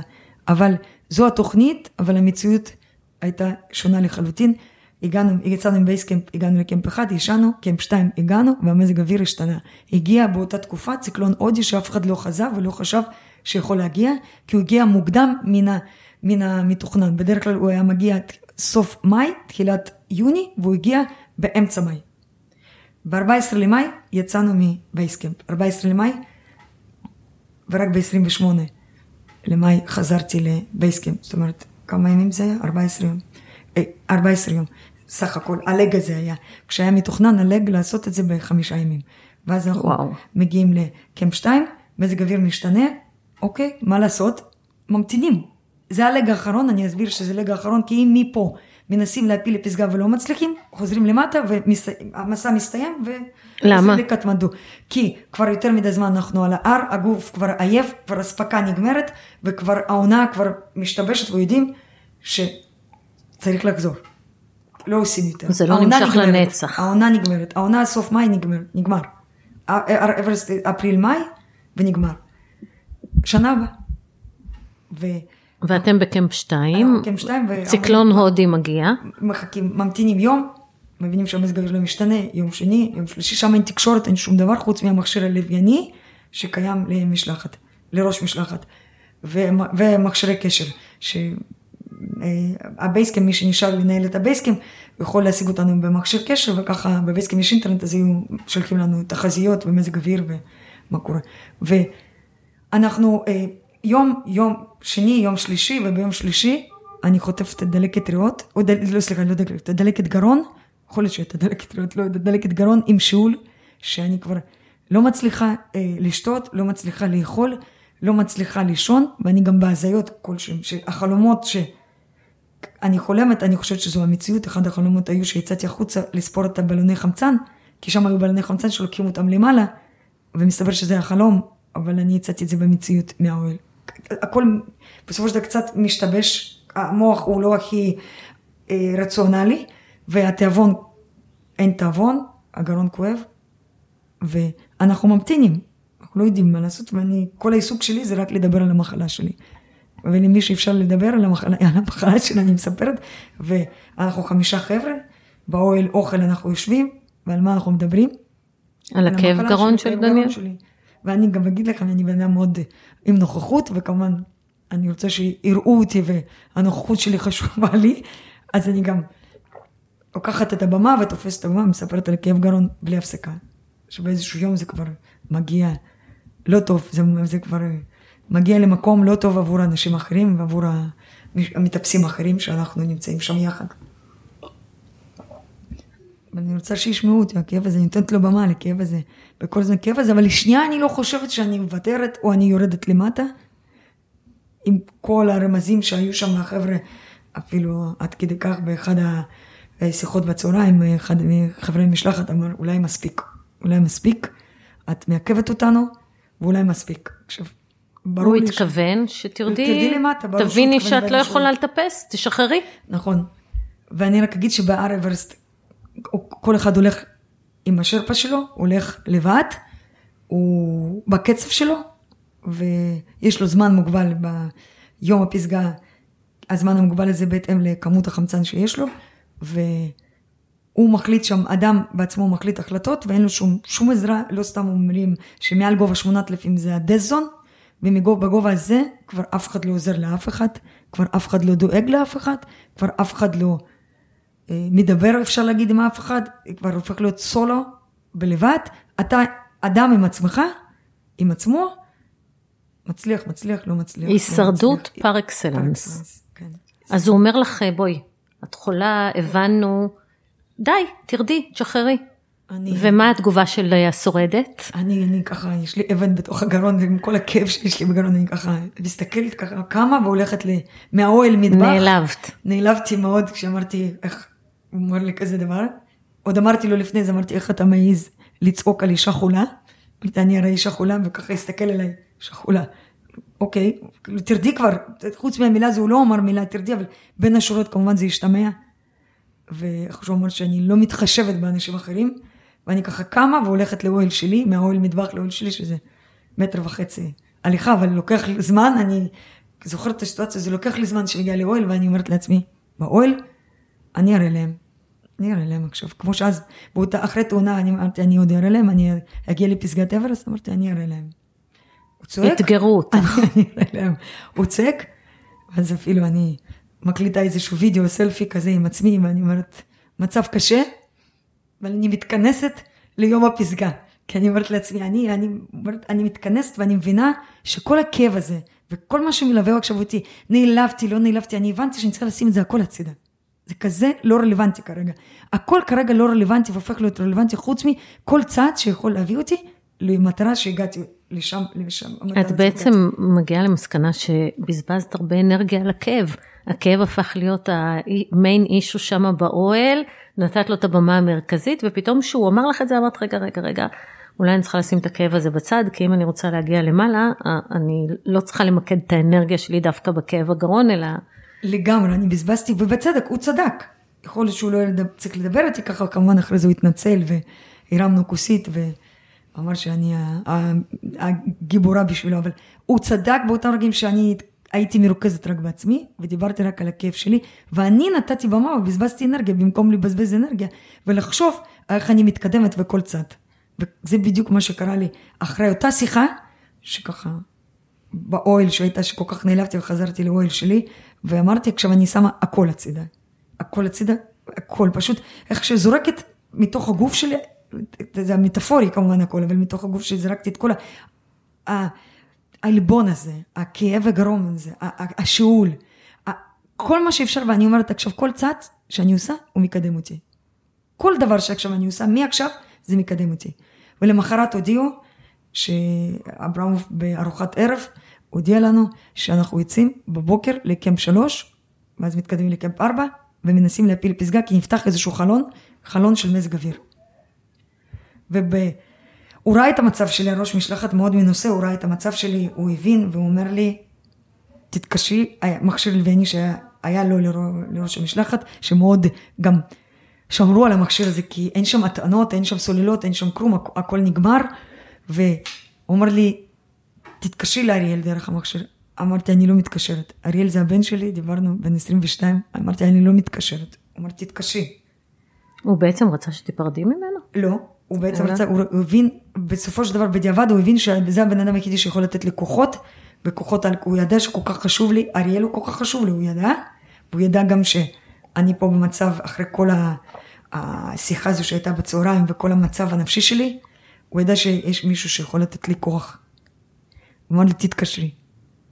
לא, לא להיפרד, למרות ש... לא להיפרד, לא... אה, למרות שהיו לי מחשבות, אה, לא דיברנו על זה, אבל אני עכשיו נזכרתי שהיו לי מחשבות באחד הימים באוהל שהיה לי, הרגשתי כל כך לא טוב ולא חשבתי על לוותר, רק אמרתי לחברה שלי, הייתה שם עוד אה, אנה, חברה שלי, אמרתי לה, אנה, זו הסיסמה לטלפון שלי, ואם קורה לי משהו, רק שתדעי, זו הסיסמה, תפתחי את הטלפון, תצאי טלפון של אריאל ותגידי על רגעים טובים שלי, שאני בן אדם שמח והכיף והכל בסדר. זה ממש לראות את המוות מול העיניים, אבל אז עוד לא ידעת מה מחכה לך. חד משמעי, לא ידעתי, אבל הבנתי שמצב כזה, כמו שאני נמצאת כל כך חלשה וכל כך לא טוב לי, הכל יכול לקרות. ובדיוק אני שואלת את השאלה, כי אני אומרת, האם הייתה החלטה נכונה או לא החלטה, ואיפה הגבול לחלום? איפה הגבול? איפה הגבול? זה שמים רגע, פה זה כבר סכנה. שם אני, הכל היה מטושטש. הכל היה מטושטש מבחינתי, ואני ראיתי רק דבר אחד, הדרך קדימה. ואברמוב אמר לי, תתקשרי, ואז הוא אה, אה, רשם את המספר טלפון על המכשיר לווייני, וממש לא הייתה גם קליטה למכשיר לווייני, ואני יוצאת החוצה ויש מזג אוויר טוב, ואריאל אומר לי, אם אני אוהב אותך, תעשי מה שאת צריכה לעשות ותחזרי מהר הביתה. זהו, רציתי להגיד לו, אריאל, אני אוהבת אותך. לא היה, התנתקה שיחה, כי אין שם קליטה. ואלו המילים שאפשר להגיד, שמו לי גלימה, ואני עם המילים האלה המשכתי ועפתי קדימה לעבר הפסגה. אבל היו... בואי נתאר את ליל הפסגה. יצאנו למחרת בבוקר מוקדם לקמפ שלוש, אחרי כמה שעות אומרים שאנחנו חייבים, לא יכולים להמשיך לנוח בקמפ שלוש, צריך להתקדם לקמפ ארבע. ואני מספרת כי זה, עד קמפ שלוש לקח עשר שעות, אני הייתי אחרונה, עד שהגעתי לקמפ שלוש הייתי אחרונה, הגעתי אחרי שעתיים אחרי כולם, קשה לי, אני מבינה שהוא מאוד קשה לי, ואז מקמפ שלוש אחרי כמה שעות שאנחנו יושבים שם בקמפ, כל אחד באוהל שלו, צריך להגיע לקמפ ארבע, זה עוד עשר שעות. כי צריכים להתקדם, כי אם אנחנו לא נתקדם, נפספס את החלון הקטן הזה, חלון המזג אוויר. ואז אנחנו מתקדמים לקמפ ארבע, מגיעים גובה שמונת אלפים, אנחנו כבר הולכים מגובה שבע וחצי, מתחילים כבר ללכת עם המסכות, מסכת חמצן. אנחנו מגיעים לקמפ ארבע, גובה שמונת אלפים, בשעה שמונה בערב, אומרת, אני מגיעה בשעה שמונה בערב, אנשים אחרים הגיעו קצת אה, לפניי, שעה או שעה וחצי זה לפניי. בעצם אחרי כמעט 20 שעות רצוף שהלך. כן. כמובן בלי אוכל, בלי שתייה, בלי... אלו לא, זה לא נכנס, גם אין מה כל כך לאכול, כי צריך לסחוב כל דבר הזה, היו לי ג'לים ששוב שמתי בתוך התרמוס, וזה מה שהמתיק לי את המים. הרי מים מאפשרים מהשלג, עכשיו אין שם שום מינרלים, שום דבר, אז שמים רק את ה... אין שם שום דבר, שמתי קצת... את הג'לים שהמתיק לי קצת את המים, ואז בשמונה בערב כשהגעתי, הודיעו במכשיר קשר שב-11 בלילה צריך לצאת לפסגה. זה היום. זה היום. מפה אפשר להתחיל לקבל החלטה. אפשר גם לרדת לקבל החלטה, אפשר להתקדם, זאת אומרת, כל אחד יכול לקבל החלטה, אבל זה היום. אני ב-10.37 הייתי מוכנה, אנשים אמרו לי אחרי זה, אותו בחור ש... דיבר לא יפה, אמר, מה את מפריעה לנו פה? הוא אומר לי שאני הייתי כמו חייל עם עיני זכוכית שלא ראיתי אף אחד. ב-10.37 יצאתי מהאוהל, בחוץ רוחות של 50-60 קמ"ש, מינוס 40, כמובן אני לבושה, מה זה לבושה? אני לא התפשטתי, לא הייתי צריכה להתפשט, אני בועל בכל החליפת טיפוס כבר כמה ימים, אני כבר, לא, מהקמפ 2 עוד. מגפיים מיוחדות, אה, ריתמה, אה, כובע, כפפות, אה, כל הציוד היה, לא היה צריך אפילו להתכונן ליציאה, כי הייתי כבר מוכנה, והתרמיל יש בלון חמצן, ויוצאים 10.37, אני יוצאת, יוצאת עם השרפה, שיש שרפה שסוחב חמצן להלוך, ושרפה שסוחב חמצן לחזור, ולי יש את החמצן שלי, וככה אני יוצאת, ומתקדמת לעבר הפסגה. אני הרגשתי שיש לי גלימה. כל הכאב, אני שמתי הצידה, לא הרגשתי שום כאב. אמרתי, עכשיו, זה, זה הזמן, זה, זה, זה, זה הרגע. אפילו הרגשתי שאני עקפתי אנשים. הרגשתי שאני הולכת ולא הולכת, אני עפה. אני כמו פרפר שעף לעבר הפסגה. זאת התחושה שהייתה לי, אני לא יודעת במונחים להגיד אם הלכתי לאט או מהר, אני רק יודעת שיצאתי ב-10.37 בלילה, ב-9 בבוקר הייתי בפסגה. זה אומר, לקח 10 שעות. אבל אני הרגשתי שאני הולכת כל כך מהר, שאני טסה לעבר הפסגה, כמובן באיזשהו שלב יש את התור, שעומדים שם בתור, ואז ברגע שעומדים בתור גם חמצן נזל. בואי תספרי לנו רגע, מה זה התור? כן, עד... אה, אם חשבתם שיש תור בסופר מרקט, אז יש תור לפסגת האוורסט. כן, יש תור, אמנם, אני אומרת, התמזל מזלי שהייתי בתקופה, ותקופת קורונה דווקא הייתה טובה, כי בעונה הזו, לא היו הרבה מטפסים. לא היו הרבה מטפסים, ובדרך כלל זה המון מטפסים, והתור יותר ארוך. הפעם, ביום הזה יצאו מעל 100 איש, זה לא אומר ש-100 מטפסים, כי על כל מטפס יש שרפה, או על כל שני מטפסים יש שרפה, זאת אומרת, מעל 100 איש היו על הפסגה, ו-100 איש שביום ביום הזה נוצר תור, התור נוצר עקב ה Hillary Step, Hillary Step זה הסלע שעל שם הילרי, הילרי וטנזינג הם השני אנשים ב-1953 שהגיעו לפסגת אוורסט, הבחור הניו זילנדי יחד עם השרפה טנזינג, שרפה נפאלי, הם דרכו הראשונים על פסגת העולם, ועל שם שלו, על שם של הילרי, קראו את הסלע הזה, כי לפני פסגה בגובה 8,700, יש סלע סלע. R, שהוא קצת יותר טכני, קצת יותר טיפוסי, קצת יותר מורכב, שהוא צריך לעבור אותו, שזה לוקח זמן לעבור אותו, כי יש שם כבר אלמנטים טכניים של טיפוס, ורק אחרי זה הולכים עוד קצת, ואז יש פסגה. זה גובה 8,700, הפסגה היא 8,849, זאת אומרת 150 מטר. והאילרי סטפ בעצם יוצר פקק. למה נוצר פקק? כי לוקח הרבה יותר זמן לעבור את הסלע הזה, וגם אחרי הסלע הזה מגיעים לפסגה, פסגה היא קטנה. זאת אומרת, היא לא יכולים, יכולים לעמוד, אז עומדים מספר אנשים, יורדים, מתקדמים אחרים. עכשיו עומדים בתור בן אדם אחרי בן אדם, זה לא שאפשר לעקוף, כי מצד אחד, מצד שמאל יש תהום, מצד ימין יש תהום, בדרך יש גם גופות, גופות ש... את ממש ראית אותן? ממש גופות, כן, כן, גופות שהן לבושות, גופ, גופה לבושה בכל הציוד, עם חליפת טיפוס, נעליים, אה, אפילו תרמיל עם חמצן. איש, אדם שעצר שם לנוח, לנוח, וככה הוא שוכב ממש על המדרון, שפשוט מרימים רגל ועוברים, ועל המדרון יש ארבע גופות, יש הרבה גופות. מה זאת אומרת, את עוברת מעליהם? כן, ממש מרימים רגל ועוברים. זה לא, זה לא בצד, יש גם בצד, שרואים בצד, גופות אה, המפורסמות עם הגרין בוטס, או הגרמני, או חליפה אדומה, שזה הנקודות נון צדיקים של בהר, אבל זה הגופות, זו תחושה לא נעימה, כי 50 מטר לפני פסגה יש גופה אחרונה, ואז מגיעים לפסגה ואז התחושה היא לא נעימה, זה פרדוקס. מצד אחד אני נמצאת על גג העולם. מצד שני על כמה... אני אומרת לעצמי איך אני לא נשארת שם, להיות קשורה.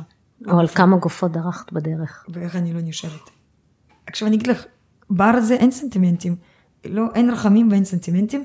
אני גם לא מרחמת על הגופות האלה. אין רחמים. שם זה הישרדות פרופר, ואני רק דואגת לעצמי איך אני מגיעה לשם ויורדת עכשיו. זה הדבר היחידי שאני חשבתי, אני בכלל לא חשבתי, לא ראיתי. וגם למישהו לא טוב שם, ולמישהו חסר חמצן, או מישהו שם מרגיש לא טוב, או מישהו צריך עזרה, אף אחד לא עוזר לאף אחד, כי ההר הזה כל כך אגואיסטי, כל כך סולו, שכל אחד צריך לדאוג לעצמו. ואת נשארת שמה? בלי חמצן. כן, זה עוד... בואי נדבר על זה רגע. כן, אז אני עומדת בתור, ואני עוברת את ההילרי סטפ, אה, החמצן של הבלון שכבר, בהלוך שהיה נועד חמצן להלוך, כבר החלפתי, ונשאר חמצן לחזור, שזה אצל שרפה, שהוא שרפה שהתפקיד שלו, כל התפקיד שלו, כל התפקיד שלו זה לסחוב חמצן ולדאוג לתת, לו, לתת לי מיכל חמצן כשאני מבקשת. אני מחליטה מתי להחליף, כי השרפות לא מחליטים, אני מחליפה. אני מחליטה איך, לה, אני יודעת איך להחליט, להחליף, כי לומדים את זה כל הזמן, בשעה חודש וחצי. מתאמנים על זה. מתאמנים על זה, אני יודעת בדיוק מה צריך לעשות, איך לעשות, איך לדאוג לכל האלמנטים. הדבר היחידי שתפקיד של השרפה זה לסחוף את החמצן. זה מה שהוא צריך לעשות. ואז אה, אני מגיעה לפסגה כבר עם חמצן שהוא כמעט על אפס, זה מי שצולל או מי שמטפס, הוא יודע בגבהים האלה שזה היה כמעט על 30, 30 בר, 30 בר, שזה כמעט כבר אפס, ואני מבינה שאני בפסגה, 20 דקות, ואחרי הפסגה, אמרו לנו אחרי הפסגה יש מקום כזה שנקרא בלקוני, ששם מחליפים חמצן. שם מקום יותר נוח, הוא עדיין תלול, עדיין מסוכן, אבל זה מקום, כי יש שם חבל שאפשר להתחבר לאבטח, ויותר נוח להחליף פשוט. וגם יש רוח, אז אתה מחובר, אז אתה לא עף, אתה, אתה נוח. ושם מחליפים וזורקים את החמצן. ואני יורדת אה, אה, מהפסגה, ואני רואה את השרפה שאצלו אמור להיות החמצן לירידה, ואני אומרת לו, אוקסיג'ן? עכשיו הוא יושב שם, יושב שם על הקרח, אני אומרת לו, אוקסיג'ן? הוא מסתכל עליי, אני אומרת לו, אוקסיג'ן? מסתכל עליי, אני אומרת לו, אוקסיג'ן? עכשיו אני אומרת, אולי הוא לא שומע אותי, אז אני מורידה גם אפילו מסכה, אני אומרת לו, אוקסיג'ן? עכשיו הוא לא מגיב ככה, אז אני פותחת את התרמיל שלו, הוא יושב עם התרמיל על הגב, תרמיל אבל אין שם חמצן. יש בלון אחד שהוא משתמש יש בו. יש בלון אחד בתוך התרמיל שלו שהוא נושם בתוך הבלון הזה. הלם. רגע, אני ככה מסתכלת, אני אומרת... והוא בשלב הזה אמורים להיות לו שני מכלי חמצן. שמיועדים לך. מיועדים לי במיוחד לירידה. ככה זה, זו התוכנית, וככה צריך לעבוד. ויצאתם לדרך שהוא סוחב שני בלונים. כן, כן, אה, לא דיברתי על זה, אבל אה, אברהם אמר, אני מבקש לבדוק שלקחו חמצן, כי היו דברים שלא לקחו חמצן, לבדוק בתרמילים, ואני באוהל ראיתי איך שמו את הבלונים לחמצן, והכל היה סגור. הדבר היחידי שאני הבנתי שאני לא צריכה לדאוג, לחמצן. כי אמרו שיש לנו כל כך הרבה חמצן, בגלל שחלק מהמשלחת עזבו, אז היה עודף חמצן. הרי עודף חמצן בכלל היה בכל הקמפים, היה הרבה חמצן. אז אמרתי, אני לא צריכה לדאוג, אני צריכה לדאוג שהרגליים לא יקפאו, הידיים לא יקפאו, שהמסכה לא תקפא, שאני כל הזמן נותנת מכות למסכות, אני כל הזמן דואגת מה אני צריכה להוציא, להוציא דגל, להצטלם, סופר, יודעת בדיוק איזה פעולות אני צריכה לעשות, אני, להתקדם, לא להתיישב, כי מי שמתיישב יכול, יהיה קר ויכול לקפוא שם מקור, אני יודעת מה אני צריכה לעשות, מה, מה אני מצפה מעצמי, אבל לחמצן, לא חשבתי לשנייה שאני צריכה לדאוג. ואז, אני אומרת לו אוקסיג'ן, ואז הוא, אני פותחת לו תרמיל, ואז הוא פשוט קם והולך. הוא מתחיל לרדת. אני, מה עושים? גובה 8700, אי אפשר לנשום בלי חמצן. עכשיו אני מסתכלת על הבלון ויש שם חץ, החץ כבר מגיע כבר, כבר על אפס, זאת אומרת זה יכול להיות אפס, זה כמו בדלק באוטו. יכול להיות עכשיו להיגמר עוד חמש דקות, עוד עשר דקות, אבל אף, אי, אי אפשר לדעת. גם אני לא יודעת למדוד את הזמן, זה עוד חמש דקות, שתי דקות, דקה, אבל ברגע שנגמר חמצן, הגוף כבר אחרי שתי דקות, פחות חמצן זורם בגוף, אז קודם כל הוא מנתק את הגפיים, כי זה החלקים הכי לא חשובים, זה הידיים רגליים, פחות מזרים חמצן לשם, מפסיק להזרים חמצן, אחרי זה הוא מנסה לאסוף, הגוף, להזרים חמצן ללב, לריאות ולמוח, וגם כשנגמר חמצן, גם לשם הוא מפסיק להזרים, ואז המוות זה דבר מאוד קל בעיה, אבל זה פשוט מוות, לא סובלים שם, פשוט אין חמצן והמערכות מתנתקות, זהו, פשוט הגוף קורס, ואתה נשאר להר. עכשיו לא סובלים, אין סבל. זה קורה בשניות, בדקות. עד שתי דקות אפשר להיות בלי חמצן.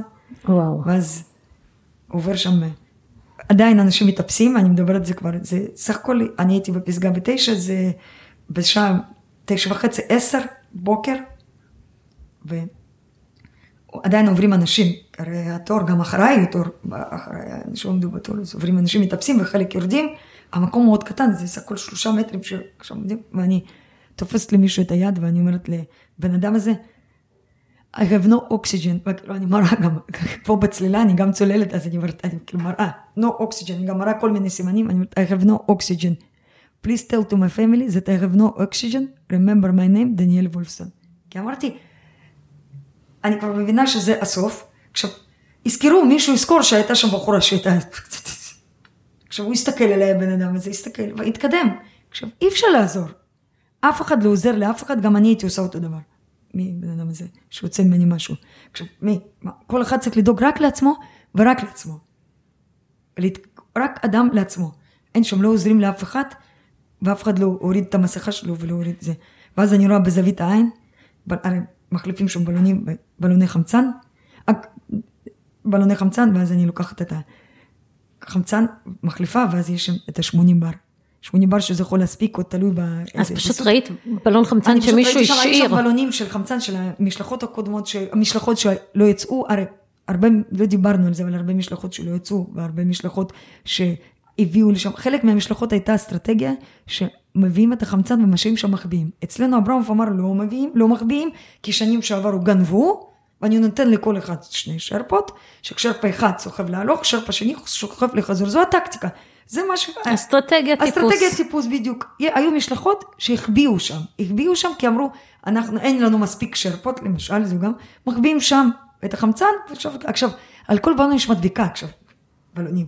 על כל משלחת, יש שם למשלחת, עכשיו, על כל בלון יש מדבקה, אז יודעים למי, מה שייך. אצלנו החליטו שיש לנו מעל ומעבר חמצן, ויש לנו מספיק שרפות שיסחבו את החמצן. אז את רואה שם בלונים של מי? אני רואה שבלונים של המשלחת אחרת, ואז שרפה אמר נו נו נו, שרפה אחרת, שהיה בהלוכת, הוא אמר לי נו נו נו, אני רוצה לקחת אה, כאילו סכין ולחתוך, הוא אמר לי נו נו נו, נו נו, כי איך אפשר לקחת של משלחת אחרת? איפה אפשר, כאילו, נו נו נו, ואני רואה את הבלון האחר ששוכב שם, שמישהו החליף, ואני אומרת, מה הסיכויים שיכול להיות שנשאר שם? כאילו, על אפס, לא תמיד מחליפים על אפס, ואז אני מחליפה, ואז יש שם את ה-80 בר, וככה אני יורדת, השרפה שהיה צריך לסקוב את החמצן כבר הלך, אני יורדת, לוקח לי חמש שעות לרדת עד קמפ ארבע. וה-80 בר מספיק לך? לא, בדרך אני מחליפה עוד חמצן, יש שם כבר זורקים, יש כבר המון חמצן בדרך, כבר המון המון כבר. כל הזמן, לאורך כל הדרך, משאירים בלוני חמצן, לא סתם מדברים, שזה דבר לא טוב, שהר אברסט הופך להיות להר זבל. גם משאירים שם בלונים, משאירים שם אוהלים, מגובה 8,000 לא מנקים שום דבר. זה כמו הר, הר זבל, ש, ש, ש, טונות של זבל שנמצאים שם ולא מנקים, ואני יורדת לקמפ 4, גובה 8,000, ואני רק המחשבה שלי מה אני עושה, ואיך אני עושה תחקיר. עכשיו, איך יכול להיות שלא היה לי חמצן? תחקיר. משפט שדה. בדיוק, תחקיר. ואני יורדת עכשיו שם, נמצא ראש משלחת שלנו והראש של השרפות, והשרפה הזה שהיה איתי, הוא יושב שם ליד האוהל, הם מאוד נאמנים גם, הם לא, אני יושב שם מחכה, ואז אני אומרת לו, where's my oxygen? why didn't you take my oxygen? why did you go? ואז הוא ככה מרים לי אותם כתפיים שהיה שם על הפסגה, אותם כתפיים מרים, מרים, הוא מוריד את הראש, וזהו. אני ככה מסתכלת, אני אומרת... והפסנק, אחרי שרפות, הוא אומר לי, סיסטר, it's karma. זהו, לוקחים את הגופה של ה... אנשים לא מבינים, הוא מת. הוא מת. מקורונה. לוקחים את הגופה, הוא מת מקורונה, הוא היה מאוד חלש, ולא רק זה, הוא השאיר את החמצן שלי בדרך. הוא לא רצה, מסכן. הוא לא רצה לה- להכניס אותי למצב שלא יהיה חמצן לי. הוא לא רצה, הוא לא חשב הרבה. הוא רצה גם לשרוד, הוא גם בן אדם. יש לו משפחה ושלושה ילדים, הוא בן אדם. זה שתפקיד שלו להיות סבל, זה לא אומר שהוא לא רוצה לחיות, וזה לא אומר שהוא רוצה למות. המון שרפות חלו בקורונה, המון משלחות נסגרו, עשר משלחות נסגרו בבייסקאמפ עוד אחרי, לאט לאט התחילו להיסגר משלחות, כי חלו שם שרפות בקורונה, וגם המתאפסים חלו, אבל גם בשרפות חלו. ואם אין שרפות, מי יעשה את העבודה? אי אפשר בלי שרפות. אי אפשר בלי שרפות, אז זה אנשים, זה שתפקיד שלהם, והם נולדו שבט שרפות, וסבלים, זה הגורל, אבל הם רוצים גם לחיות. וזה מה שהיה, ופשוט השאיר בדרך את החמצן. לא רצה, הוא לא רצה, הוא לא חשב שהוא יגרום לכך שלא יהיה לי מספיק חמצן, ואני, הוא הולך עם בלון אחד כל הדרך, הלוך חזור.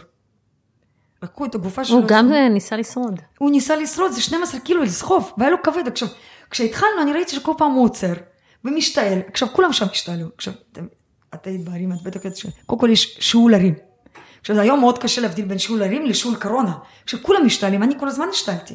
אני כל הזמן, עכשיו, שיעול הרים זה נורמלי, זה דבר נורמלי, כולם משתעלים. אין אחד, כל אחד תופס שם שיעול הרים, כי מזג אוויר, כל, השלג, הכל. עכשיו, זה בסדר, הוא כל הזמן השתעל. עצר. עכשיו, לא הבנתי כל כך, גם הוא עוצר, לא עוצר, עכשיו, אני אומרת, לא היה צריך כל כך, אה, לא, אה, אותו, באותם רגעים. לקחו את הגופה שלו, כיסו אותו עם האוהל הקרוע, כי בקמפ ארבע המון אוהלים גם נקראים ארוחות, שמו אבן, והשאירו אותו. מגובה הזה לא מורידים, וזה אחד השרפות, ארבעה אנשים נהרגו בעונה הזו. עכשיו, נהרגו אמריקאי ושוויצרי מהמשלחות לא שלנו, מהמשלחות האחרות, ושני שרפות. שרפה אחד שהיה שלך. איתי, ושרפה שני היה, שנפל לקרבס. בקמפ אחד, הלך בלילה לשירותים. עכשיו, ירד שלג. עכשיו, שלג מכסה את הסדקים. עכשיו, הוא מכסה את הסדק, אבל הוא לא בונה את הפלטפורמה שאפשר לדרוך. עכשיו, הוא הלך בלילה, לא היה קשור, כי עם האוהל לצאת צריך להיות קשורים גם, יש חבל בין האוהלים. עכשיו, הוא לא הלך קשור, והוא דרך על הסדק הזה, קרבס, ונפל. עכשיו, נפל לגובה של 10 מטרים, 12 מטרים. עכשיו, גילו את זה רק בבוקר. אז הוא מת. אז ארבעה אנשים בעונה הזו, אברסט זה הר שגובה קורבנות, גובה הרבה קורבנות, העונה הוא גבה ארבעה אנשים, היו עונות גם מעל עשר, עשרה אנשים, וגם החמש עשרה, ובמפולת שלגים שהיה בבייסקים, המפולת המפורסמת 2015, שהגיעה מפולת מאותו קרחון קומבו, על הבייסקים. בבייסקים אין סכנה, לכאורה, לא מפחיד שם, אבל על הבייסקים, ואנשים שישנו באוהלים, המון מטפסים, ו... ושרפות שמתו.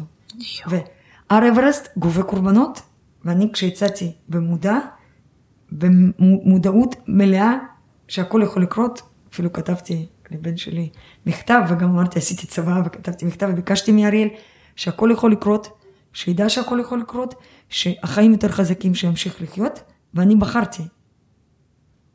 להגשים את החלום. להגשים את החלום, להגיע, לנסות להגיע לפסגת אברסט, ואני בחרתי לעשות את הדרך הזו, וביקשתי ממנו שלא יוציא משלחת להצלת גופה שלי או החזרת הגופה שלי, כי אי אפשר, לא, אי אפשר, ואמרתי שיתמקד בחיים ובדברים הטובים. ואיך אברמוב, אה, ראש המשלחת הרוסי, הוא אומר, רק אדם שהאברסט יותר חשוב מהחיים שלו, יכול, יש לו סיכויים גבוהים להגיע לפסגת אברסט. סיכויים גבוהים. ואני אומרת, איזה מזל שהר אפשר לי להגיע לפסגה, וגם איזה אושר גדול שהר גם שחרר אותי. לקח זמן עד ששחרר. יכולים לדבר גם על הירידה, שהירידה הייתה מאוד קשה, אבל הוא שחרר אותי בסוף ונתן לי לחזור הביתה, ונתן לחזור לקרובים שלי, וכמובן לחבק את אריאל ו... וליהנות מהחיים והרגעים הקטנים שיש לנו בחיים האלה. אז איך, איך, איך בעצם מרגישה מישהי ששרדה את הטיפוס הזה, הגשימה את החלום שלה, וחזרה פה לחיים שלה בתור עורכת דין בתל אביב. איך, איך זה מרגיש? קודם כל, אין לך מושג כמה אני חזרתי ונהנית מהשגרה. אנשים אומרים, אוף, עוד פעם שגרה, אוף, שגרה. אני כל כך הגעתי לישראל ביום שישי, ביום ראשון כבר יצאתי למשרד. לא נתת לעצמך דקה לא, לנוח. ואני התיישבתי במשרד מול המחשב, אמרתי, איזה כיף. האיזון הזה, הנורמליות הזו, איזה כיף. זה נכון שצריך פיקים בחיים. אני אומרת, זה טוב כשיש פיק ואיזון. פיק ושגרה, פיק ושגרה. כי אי אפשר לחיות כל הזמן בפיקים. כל היום אי אפשר לטפס אברס ולחיות שם בפיק. ואנשים צריכים להבין, ואני אומרת, איזה... ואני אומרת את זה, ובכל הזדמנות שיש לי, אני אומרת, איזה כיף שיש שגרה. נכון שצריך לעשות שגרה מעניינת וכיפית, אבל גם השגרה, גם במקצוע, ובטח את יודעת שגם במקצוע שלנו, אני מאוד אוהבת את המקצוע ואת הנישה שאני נמצאת היום, אבל גם במקצוע שלנו. יש רגעים לא הכי מעניינים, ורגעים לא הכי אה, וואו, ורגעים גם משעממים קצת, ורגעים... אבל גם בהר, שצריך לתפור שמונה פעמים אותו דבר, זה לא כיף. אמיתי, זה לא כיף. כשצריך ללכת בבוקר, כל פעם כשיוצאים ללהק צריך לקום ב-1 בלילה, ב-2 בלילה לצאת, ובלילה בקור לתפור את ההר, זה לא כיף. האמת ששום דבר לא כיף. לא כיף. אבל להשיג את זה... להשיג את היעד ואת הדרך ואת הסיפוק ולחזור, זה כיף. זה, זה גם נש... בעבודה. זה נשאר לך בתוכך. נכון, ואז אומרים לי, רגע, אבל מה, חזרת לחיים השגרה? אמרתי, וואו, איזה כיף שחזרתי לשגרה, איזה כיף שחזרתי לאיזון, לנורמליות, איזה כיף לקום בבוקר, לעשות את האימון, איזה כיף ללכת, לנשום אוויר, לראות ים, שמש, זריחה, שקיעה, איזה כיף ליהנות מהשירים. לא נותנים משמעות לזה, זה לא מובן מאליו. מכניס הכל לפרופורציות. הכל לפרופורציות, הכל לפרופורציות, ויש כל כך הרבה רגעים, כל כך הרבה רגעים יפים, שבכל יום, בכל יום יש כל כך הרבה רגעים, ואני בוחרת כל יום לבחור איזשהו רגע כיפי וליהנות. הנה היום המפגש הזה שלנו, השיחה שלנו, אמרתי, זה רגע כיפי, אמרתי, באתי פה ברגל, יכולתי לקחת רכב ולנסוע, ואמרתי, למה? לעמוד בפקקים, לצפצף, להילחץ. לקחתי יותר זמן, יצאתי יותר מוקדם, ובאתי ברגל ונהניתי מכל שנייה. מכל שנייה, מהשמש, מהאוויר, זה כיף. ואני כן, מבינים את זה, כמובן שנמצאים ברגעים קשים, וכמובן מבינים שלא הכל מובן מאליו, ושום דבר, גם לגדל ילד זה קשה. גם לגדל ילד, כשנשארתי אז לבד והבאתי את הילד לאימא ולסבתא ואמרתי, תעזרו, תגדלו. זה לא קל, אבל הדרך, על ההשקעה הזו, כל אורך הדרך, בסוף רואים תוצאות. ותמיד יש תוצאות, ואני רוצה להגיד, כי כל מי שרוצה משהו, כל מי שחולם על משהו, כל מי שרוצה להגיע לאנשהו, אם הוא באמת רוצה ומוכן לשלם מחיר, כי יש מחיר לכל דבר, מוכן להשקיע ומוכן לכבוש את האבר שלו, אז הוא יעשה את זה. ואני מבטיחה לכם שזה לא יכול להיות שזה לא יקרה. אם כל כך רוצים וכל כך מתאמצים ועובדים בשביל זה ומשקיעים, זה יקרה. רק צריך פשוט לרצות. דניאל, את פשוט מדהימה, ואני רוצה להקריא לך שיר שאני חושבת שכתבו אותו עלייך בלי שיכירו אותך, שתמיד מאוד מאוד מרגש אותי שאני קוראת אותו, זה שיר של חלי ראובן, המשוררת המדהימה, אני מטפסת הרים. פסגות הם לא מקום שניתן לשהות בתוכו זמן רב. רוב החיים מתרחשים בטיפוס אליהם, שם בפסגות יש רגעים ספורים של תרועת ניצחון, של דמעות מתפרצות כמו זעלפות וזהו. שיירה אינסופית ממתינה מאחורייך, לנעוץ גם הם כף רגל בחוד החנית, ותמו דקותייך. אי אפשר להתבגר בפסגות, לא ניתן לצמוח שם, רק מפעם לפעם לבקר אותם. אין שם מספיק חמצן, אין אדמה רחבה לנוע עליה, ואין שם אריכות חיים. פסגות הם לא מנוחה ולא נחלה, רק הטיפוס הוא בית. הטיפוס הפך להיות הפסגות שלי. כל צעד שרגליי חורצות בעולם, אני נעצרת ומניחה שם דגל רב הוד, כאן טיפסה אישה שלא מוותרת. כאן טיפסה אישה שבוראת עולם ברגליה, שטרה אחרי שבילים שנשתכחו, שמציירת את יבשת הנפש על הסלעים. הטיפוס הפך המורה החכם והטוב שלי, הוא לימד אותי איך ליפול עליו ואיך לקום מחדש, איך לנוח ואיך להסתער, איך לנהוג עם שמשות לוהטות ועם שברי ברד ניתחים. הטיפוס חשף בפניי שמדליקי המשואות, מובילי המהפכות, משני העולם, ל"ו צדיקים, חסידי האומות, הם כולם כולם מטפסי ההרים מהטובים בעולם. הטיפוס גילה לי יותר מהח... מהכל שאני יכולה לחיים, יכולה להם. אז תודה רבה לדניאל וולפסון, שבאמת אני חושבת שהשיר הזה נכתב עליה. אמ, אני מזמינה אתכם לקבוצה בית ספר לקרמה טובה, שאנחנו ננהל דיון על כל המסע המדהים הזה מהיער במונגוליה עם אבא שלה עד פסגת האברסט, של אישה בת 43, שהחיים לא פינקו אותה. ואני מקווה שקיבלתם אה, את ההשראה שאני קיבלתי רק מלשמוע אותה. אז תודה לכם. תודה רבה.